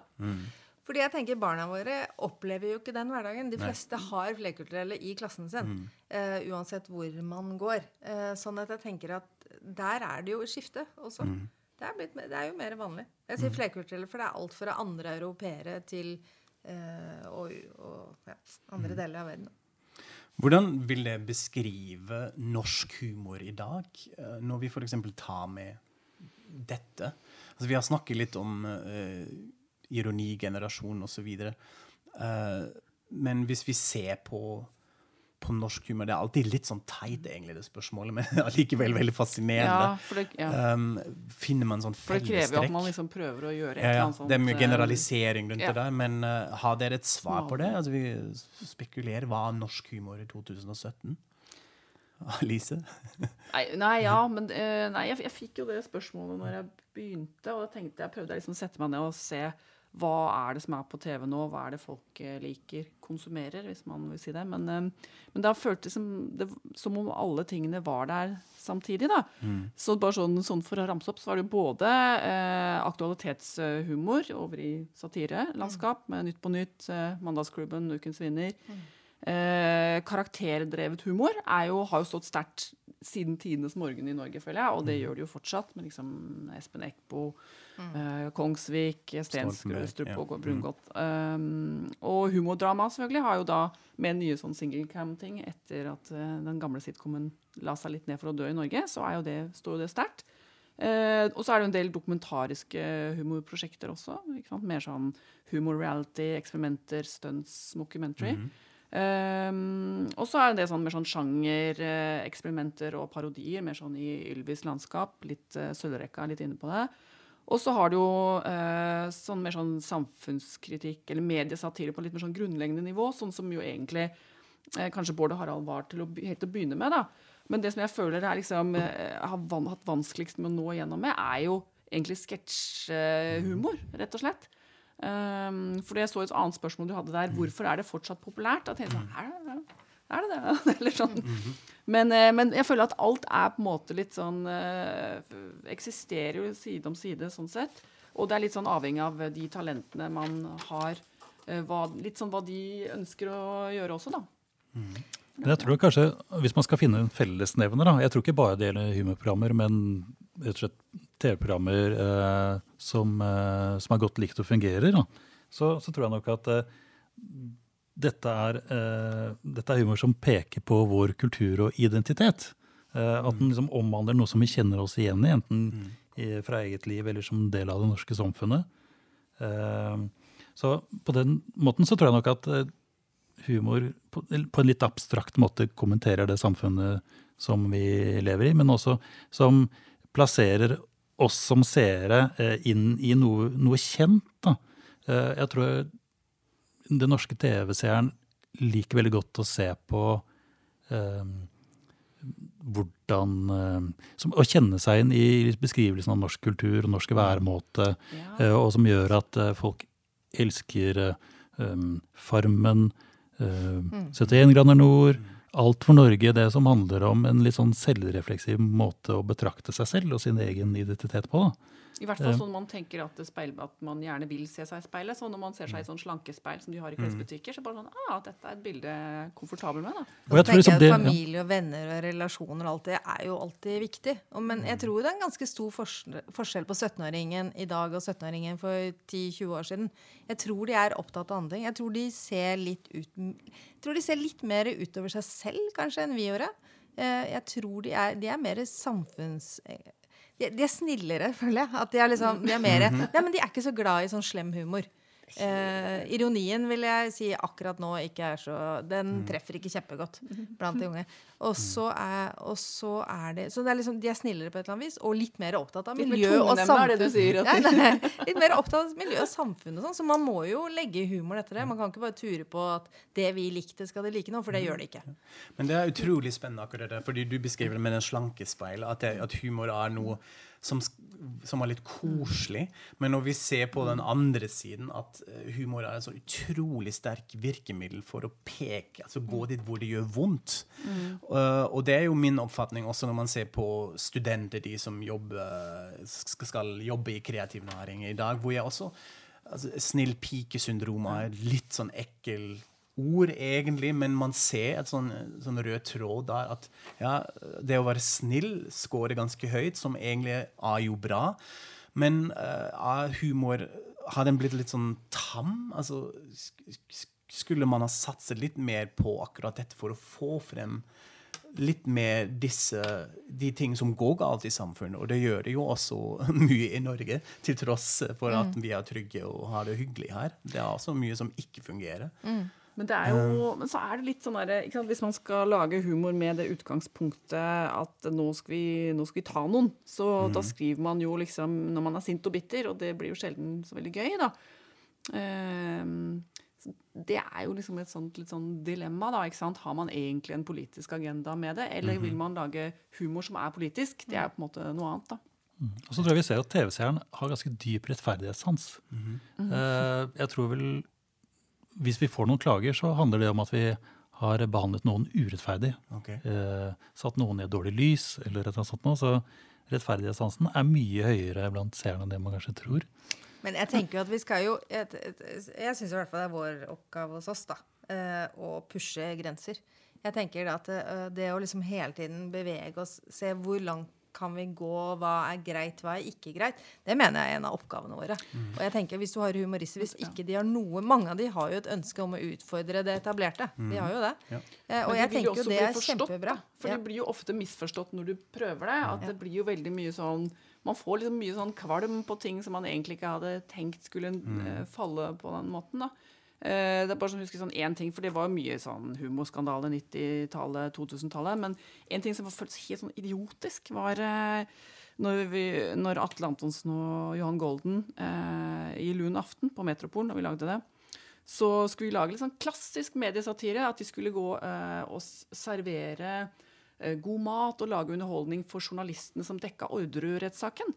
Og vi var jo veldig bevisste på at vi skulle jo ikke tulle med de som var involvert, men vi skulle gjøre en klassisk sånn der, Nå skulle vi tøyse litt med de journalistene som var De lå jo i sovepose der omtrent. Det var jo big. Mm. jeg tenkte at dette er, så, dette er nesten litt for safe satire, tenkte vi. Og så hadde vi litt sånn dårlig med penger, så det var sånn OK, hva skal vi ha? Skal vi steke noen vafler? Er mye styr. Ta så Kjøp, kjøp noe billig kjeks. Nei, et eller annet noe Marie-kjeks eller noe. Kjøpte jo Marie-kjeks, og det ble misforstått som at vi prøvde å tulle med en av de drepte i saken. Marie-kjeks, liksom. Og det er jo sånn, Hadde vi tatt den andre billigkjeksen, det ville vært Per-kjeks. Det hadde ikke vært noe bedre. ikke sant? Så jeg husker at Atle ble så lei seg fordi han følte at han ble liksom beskyldt for en så dårlig ordspill, når det egentlig bare var så prosaisk som at vi ikke hadde penger. ikke sant? Men da er vi inne i en av mine favorittemaer, nemlig tabu. Altså humor og tabu. Du sa at man, oppgaven er å pushe grensene, men hvor går de? Uh, hva, hva får dere mest litt sånn kjeft for? Eller hva, hvor, hvor, kan man, hva, hvor ligger det nå, tabuene, i dag, når dere Jeg, lager tenker, programmet? jeg mener at ikke det er noen grense for hva man kan tulle med. Okay. Jeg, eh, så det handler litt om hvordan man gjør det. Mhm. Eh, og når vi gjør det dårlig, eh, når vi tar opp tabuting, og vi gjør det dårlig, så ler jo ikke folk. Eh, Mhm. og da har vi på en måte, da har jo vi feilet, hvis ikke noen syns det er gøy. Når vi beveger oss i det eh, grenselandet som tabuting er, så kommer vi til å tråkke på noen tær. Ja. Vi kommer til å få sinte mail. Vi eh, blir truet. Eh, vi gjør jo det stadig vekk. eh, og det er en del av gamet. Tror, du, du, det må du regne med. Men derfor er det jo veldig tøff en ung komiker å bevege seg i det landskapet. Det er ikke så lett å være 21 år og tørre å stå i det. Eh, nå lagde vi jo, var gøy nå, vi har jo laget med Maria Stavang en sånn russelåt som er en sånn satirisk Det kom nummer én på Spotify. Jeg synes det er kjempegøy. Eh, men det handlet jo om de, disse gutte, guttene som har laget russelåtene, eh, som har fått eh, så mye tyn. Og så var Maria syntes det var gøy å lage. La, hva om vi snur på det og sier at jentene kan gjøre det samme? Og det er gøy i de felt. For det første, så når vi publiserte NRK Satirik, så tenker jeg at da skjønner jo folk at det er ment som At satire. ja. Men det er jo gøy, for det er masse sinna gutter. Veldig sinna gutter. Og så tenker vi sånn, men så tenker vi det er bra. Fordi at du må, Det er fint at du lar deg opprøre. Det er fint at det setter noe i gang hos deg. Det er fint om du diskuterer det med andre. Det er jo det du vil. Det beste er jo når det starter en diskusjon oss imellom i kantinen eller på gata eller bussen eller Det er jo det vi har lyst til. Å sette, dytte litt på folk. sånn Og skape en debatt. Skapen ikke sant? jeg er tenker sånn, Et annet eksempel fra Mannesklubben når Harald Eia snakker om, eh, om eh, skolebøker og hvordan de er skrevet. Så er det klart at da plutselig så blir man en del og eh, plutselig så lager man en debatt som har en, en direkte innvirkning, kanskje, da, på, på skoleverket og litteraturen. Eh, og det, jeg sier ikke at det nødvendigvis er humorens oppgave, men den har en fantastisk effekt da, som eh, har ganske stor betydning, eller kan få stor betydning. Jeg Så- syns det er gøy når 5080 lager De hadde en gøy sak nå om terrorfrykt. Eh, frykt. At du greier å tulle med det. For det er litt sånn fordi folk går og kjenner litt på det, så er det deilig å liksom kunne le av at noen greier å tenke en litt annen spinn på noe som du ikke sant? Vi nærmer oss 17. mai, og folk er redde for alt mulig rart. Kan vi liksom greie å le av det litt? Eh, så tenker jeg da Da blir jeg for jeg glad. Ja, og for for å se at, at for et demokratisk middel det er absolutt. humor, altså hva vi kan tulle med, og at man ikke baserer alt rundt på krenkelse og hån som, Ja, ja. som mål. Eh, Men det er jo det er veldig sånn noen nevnte med den rettferdighetssansen Ja. til liksom, de norske eh, seerne. Og det er jo det at de, hvis de føler at det er noen svake grupper som er skyteskive for humoren, så går det jo veldig i forsvarsposisjon. Men Ja. ofte så lager man jo satire på noe hvor en eh, svak gruppe er representert i det universet. Ja. For det er ofte der du finner liksom noe maktbruk og maktmisbruk. Da. Og det er jo den der eh, skyte nedover, ikke oppover. Eller Ja, ikke sant. ja, det er det, Men det nå har det blitt sånn at man kan ikke snakke om Nei. de tematikkene som involverer det engang. Selv om det man vil si er veldig sånn nesten politisk korrekt, så er det bare sånn Nei, men du kan ikke, kan ikke nevne noe som har med overgrep å gjøre, selv om jeg vet at det du sier er riktig. Ja. Fordi da begynner jeg å bli minnet på noe annet. Men bare at du nevnte politisk korrekthet. altså Det er det som er så spennende, at det opprinnelig egentlig er en smart tanke. At man passer på de sårbare. sånn sett.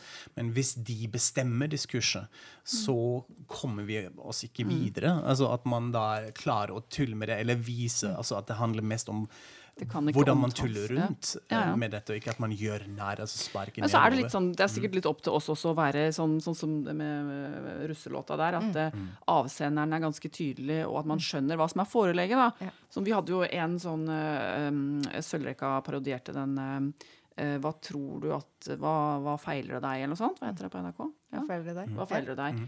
Og det var, følte jeg var helt sånn klokkeklar satire på at eh, de har jo laget underholdningskonsept av at noen har sykdommer, og så når de gjetter riktig sykdom, så bare Yay, du hadde, du hadde brokk eh, der og der, og bra for deg.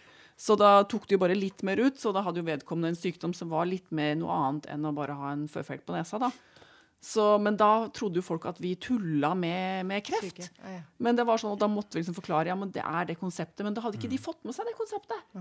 Vi tenker jo at alle vet, kjenner foreleggene. ikke sant? Men det- kjenner ikke det, det debattene generelt i dag altså Jeg syns det er ofte supermotivert av bare disse triggerord. Mm. Det er et ord, kreft, og så kobler man fra. Man ser ikke på konteksten lenger, Nei, men nei, nei. reagerer bare på dette. Som må jo være en utrolig utfordring for å skape Ja, men som en sånn der rundt Men jeg tenker det utfordrende nå er jo alle disse ekkokamrene. Ja. Det der at folk er medlem i f.eks. en Facebook-gruppe som bare støtter sitt syn, eller man følger bare de Det er jo eh, det er jo baksiden av det at vi kan velge alt mulig. Det er at vi bare velger det som støtter vårt eget syn. Eh, Så det å nå igjennom uh, utover disse eller inn i disse ekkokamrene, det er, tenker jeg er jo et demokratisk problem. Uh, sånn at man bare hører sin egen versjon. Eller man snakker bare med likesinnede. Det er et problem. Og så er det litt sånn der, hva, altså sånn svake grupper, hvem er det på en måte eh, Når er det man sparker oppover? Er det å sparke oppover og ta de som er, eh, sitter ved makta, eller er de mm. ja, er de liksom like mye mobbeofre, da? ikke sant? I folks, eh, i sånn opinionen så er det jo sånn Begynner å gå løs på Sylvi så blir, blir hun et mobbeoffer. Så du, du kan, kan ikke vinne, på en måte. Vi nærmer oss slutten litt, men jeg vil få med én ting til uh, angående norsk humor, uh, som, som fascinerer meg veldig uh, fra Tyskland, fra et tysk perspektiv, egentlig. Hvor viktig er regionalitet når man skal fange opp humor, sånn forståelse for humor i Norge? Dialekter osv. Er det noe som Altså Denne nynorskkvoten for eksempel, fascinerer meg veldig. At man har dette um, er her. litt nynorsk humor har vi nå Ja. på. Tenker dere i den retning i det hele tatt? Altså å få med distriktene, for å si det litt sånn uh, lett? Uh, ja, altså i den forstand at vi um, uh, vi, forsøker, vi, vi skal jo nå hele landet, hele Norges befolkning, med et innhold som de kjenner seg igjen i. Eh, Men eh, for vår del, vi har ikke noen, eh, noen forpliktelser i forhold til kvotering. Og jeg er ikke sikker på, det har kanskje NRK på, på deler av dette, men som allmennkringkaster, og kanskje til og med TV 2. Eh, Men øh, det er ikke viktig for oss å få inn dialekter for dialektenes skyld, men, men at vi når hele Norge. Og ikke blir en sånn Oslo Ring 3-kanal, er, er veldig viktig med innholdet vårt. Nei, for man teller jo ikke dialektord sånn sett, men det er jo eh, Fordi der man liksom lettest ser det, er jo når noen har karakterer. Eh, der, er det jo, der blir det jo selvfølgelig kanskje gøyere når de snakker Østfold-dialekt enn når de snakker noe helt vanlig. Eller hvis Oluf hadde vært fra Sankthanshaugen, så er det ikke sikkert han hadde blitt så folkekjær. Eh, men det er jo ikke sånn at man setter seg ned sånn Nei, nå må vi ha noen humorkarakterer fra liksom de fire nordligste fylkene. Nei, men jeg tenker det- er jo fint i alle produksjoner at det er litt blanding. Og jeg tenker med skuespillere at de kommer fra ulike regioner, er jo bra. Det speiler jo landet. Eh, og så har det jo vært, med Komprisen så har det jo vært en diskusjon med at eh, er man ute, ser man nok ting ute i distriktene? Og, og man prøver jo det. Og så er det jo et eller annet med at man jo ofte begynner lokalt. Og det er jo ikke bare Det er jo i området rundt Oslo. Du begynner lokalt og jobber deg flink, og så etter hvert så blir du tiltrukket til storbyene. Om det nå er Bergen, Stavanger eller Oslo. Så de store miljøene er jo ofte i storbyene. I hvert fall. Og det er jo litt av forklaringen også, for jeg tenker at um, de, For de største produksjonsselskapene holder jo til i de største byene, og særlig i Oslo. Og eh, de talentene som eh, har født og oppvokst eh, rundt omkring i Norge, trenger en nærhet til disse produksjonsselskapene som produserer innholdet deres. da. Eh, og som gjør jo at de tilflytter da f.eks. til Oslo. Så det er så, det er en, en praktisk forklaring på hvorfor eh, Østland og Oslo blir en så liksom, sentral avsender av innhold. Da. Men så er det jo alltid på en måte Man vil jo gå etter det som mm, funker best for seerne òg. Så det at altså, Truls Svendsen gjør underholdning på TV 2, det skyldes jo ikke at han eh, snakker dialekt. Så, men det er jo sikkert en bonus for mange, og kanskje gjør at flere liksom føler at eh, andre deler av landet er representert. da. Mm. Men jeg føler jo at det er ganske godt dekket. Altså, det er jo fra alle landsdeler på norsk TV. Eh, men det er ikke noe eh, men spørsmålet er om det er et mål i seg selv. Eh, og det blir jo et litt annet type svar. da. Men det speiler jo samfunnet på den måten òg. Altså, at man har denne At det blir fortettet her eh, i, i Oslo, og så må man komme Ja, men jeg tror det er en Eller jeg, nå vet jeg ikke med det andre, men i NRK så er det nok en endring av brukeren er mer i fokus. Brukeren høres ut som noe helt annet. Ja. publikum er mer i fokus, da. Vi snakker jo mye mer med publikum vi gjorde før. Rett og slett. Det er mye mer dialog. Vi er mye mer ute og prater med dem. i, vi gjør mye mer research med dem. Vi har klasser som vi går og snakker med jevnlig. ikke? Vi har mye mer direkte kontakt. Jeg tror alle hos oss har noen de er i direkte kontakt med utover dine venner og bekjente eh, i bransjen. Ja. Uh, og det er viktig for å skjønne Alle bør ha seg en familie rundt om i landet de kan speile litt med. da. Hva syns du om Side om side? Hva likte dere, hva likte dere ikke? Det er, det er viktig. Det er en endring i NRK, hvor vi lagde programmene, og så fikk det nå publikum. Nå er det på en måte publikum Men dere har vært flinke til å ha fokusgrupper og sånn. Ja, mye. Og ikke minst i, i Jenter og Skam og hele den her, ikke sant? hvor de gikk ut og hadde noen helt klare. Vi jobber jo sånn Nå jobber vi sånn. Og det tror jeg er en kjempeviktig metode. Og så tror jeg vel også Vi blir jo målt hver eneste dag med det innholdet som vi lager. Mm. vi får jo direkte tilbakemelding fra seerne. Enten så likte de det, eller så likte de det ikke. Så det er jo klart at det er jo vårt styringsverktøy i forhold til eh, dette syns rett og slett ikke folk var bra nok, eller syns det var ikke morsomt nok. Eh, Da må vi finne noe annet. Ja. Eh, Og det er jo på en måte den, sånn den jevne, eh, den jevne kontakten vi har med seerne, også bare på talenivå, da, hvor vi kan eh, se hva, som, hva folk er opptatt av, og folk syns er bra. Og da er det litt sånn fasitspørsmål. Eh, hvis dere sitter med alle de tallene, og det er så mye kontakt, hvor går trendene? Hva er nye formatet som buder på plass? Eh, hvor vil dere med det dere skaper? Jo, nå er det jo sitcom med publikum i studio på TV Norge. skjønt. Ja, det blir den neste store. Ok. Det er bare å snakke det. Er det ikke bare å framsnakke det litt, da? Så er, yeah. blir jo det en You kul heard it greie. here Ja, ja. first. Ja, nei, men det er det faktisk. fordi dette, dette er helt i støpeskjeen. Men eh, vi føler at vi har funnet et, eh, et eh, univers som, eh, som er eh, rikt, eh, og som er eh, som jeg tror folk kommer til å kjenne seg igjen i miljøet og i situasjonene og sånne ting. Eh, Jeg skal ikke si så mye om hva det er, men, eh, men vi, eh, vi gleder oss veldig hvis dette okay. Dette blir noe av. TV Norge. TV2, Alice. Ja, nei, men litt sånn som var jeg inne på i stad, at eh, det er nok flere av de tingene vi lager som kommer til å være mer eh, ha mer å gjøre med norsk virkelighet. Um, en ting er sånn som Ramme og Tørnquist redder, men det kommer også et nytt konsept med nå Otto Jespersen til høsten. Som eh, jeg, kan, jeg kan ikke si noe mer, jeg vet, kan ikke si så mye som det du sa om sitcom. Men som også på en måte eh, vil speile den, eh, den strategien, eller det siktemålet. Um, men sånn, hvis du tenker på sånne trender som ikke er ting som vi selv uh, føler passer liksom vår kanalstrategi, men mer sånn i TV-verden sånn internasjonalt, så tenker jeg at det, det er vanskelig å si noe om, for vi har jo ikke helt oversikt. Men eh, sånn USA tror jeg det er veldig mye humordrama, sitcoms, at det er jo mye scripted, da. Eh, men så har du jo, kjører jo også fortsatt de gamle traverne med litt eh, ja, sånne eh, talkshow, late night talkshows, noen sketsjeprogrammer. Så det er jo det er sånn som du sier at det er egentlig mer av det det har vært i alle år. Det som jeg føler er lite av, og jeg vet ikke om det kommer tilbake, er sånne rene skjult kamera-programmer. Det har jeg ikke sett på noen år. Det føles, når man, det føles litt sånn litt sånne, her, øh, sånn franske TV-produksjoner fra 2003. Hvor det er, alle skal skjønne hva som blir sagt, for det blir ikke sagt noe. Det er bare musikk. Det er Men- innslags-TV blitt det. Ja, det som man ser på flyet. Det som funker bra på flyet. Det som funker bra Jeg på tenker flyet. humordrama er det, Jeg tror det også kommer til å fortsette, fordi at det er så Det er jo, også valuta for pengene. I hvert fall sånn når man, man har rettigheter, sånn at det kan ligge lenge. jeg tenker, ikke sant, Det å, at det har long tail, at det ligger, I all den tid folk ser på så mange forskjellige steder, så er longtail viktig. At det kan gå i repriser, at det ligger i nettspillerne.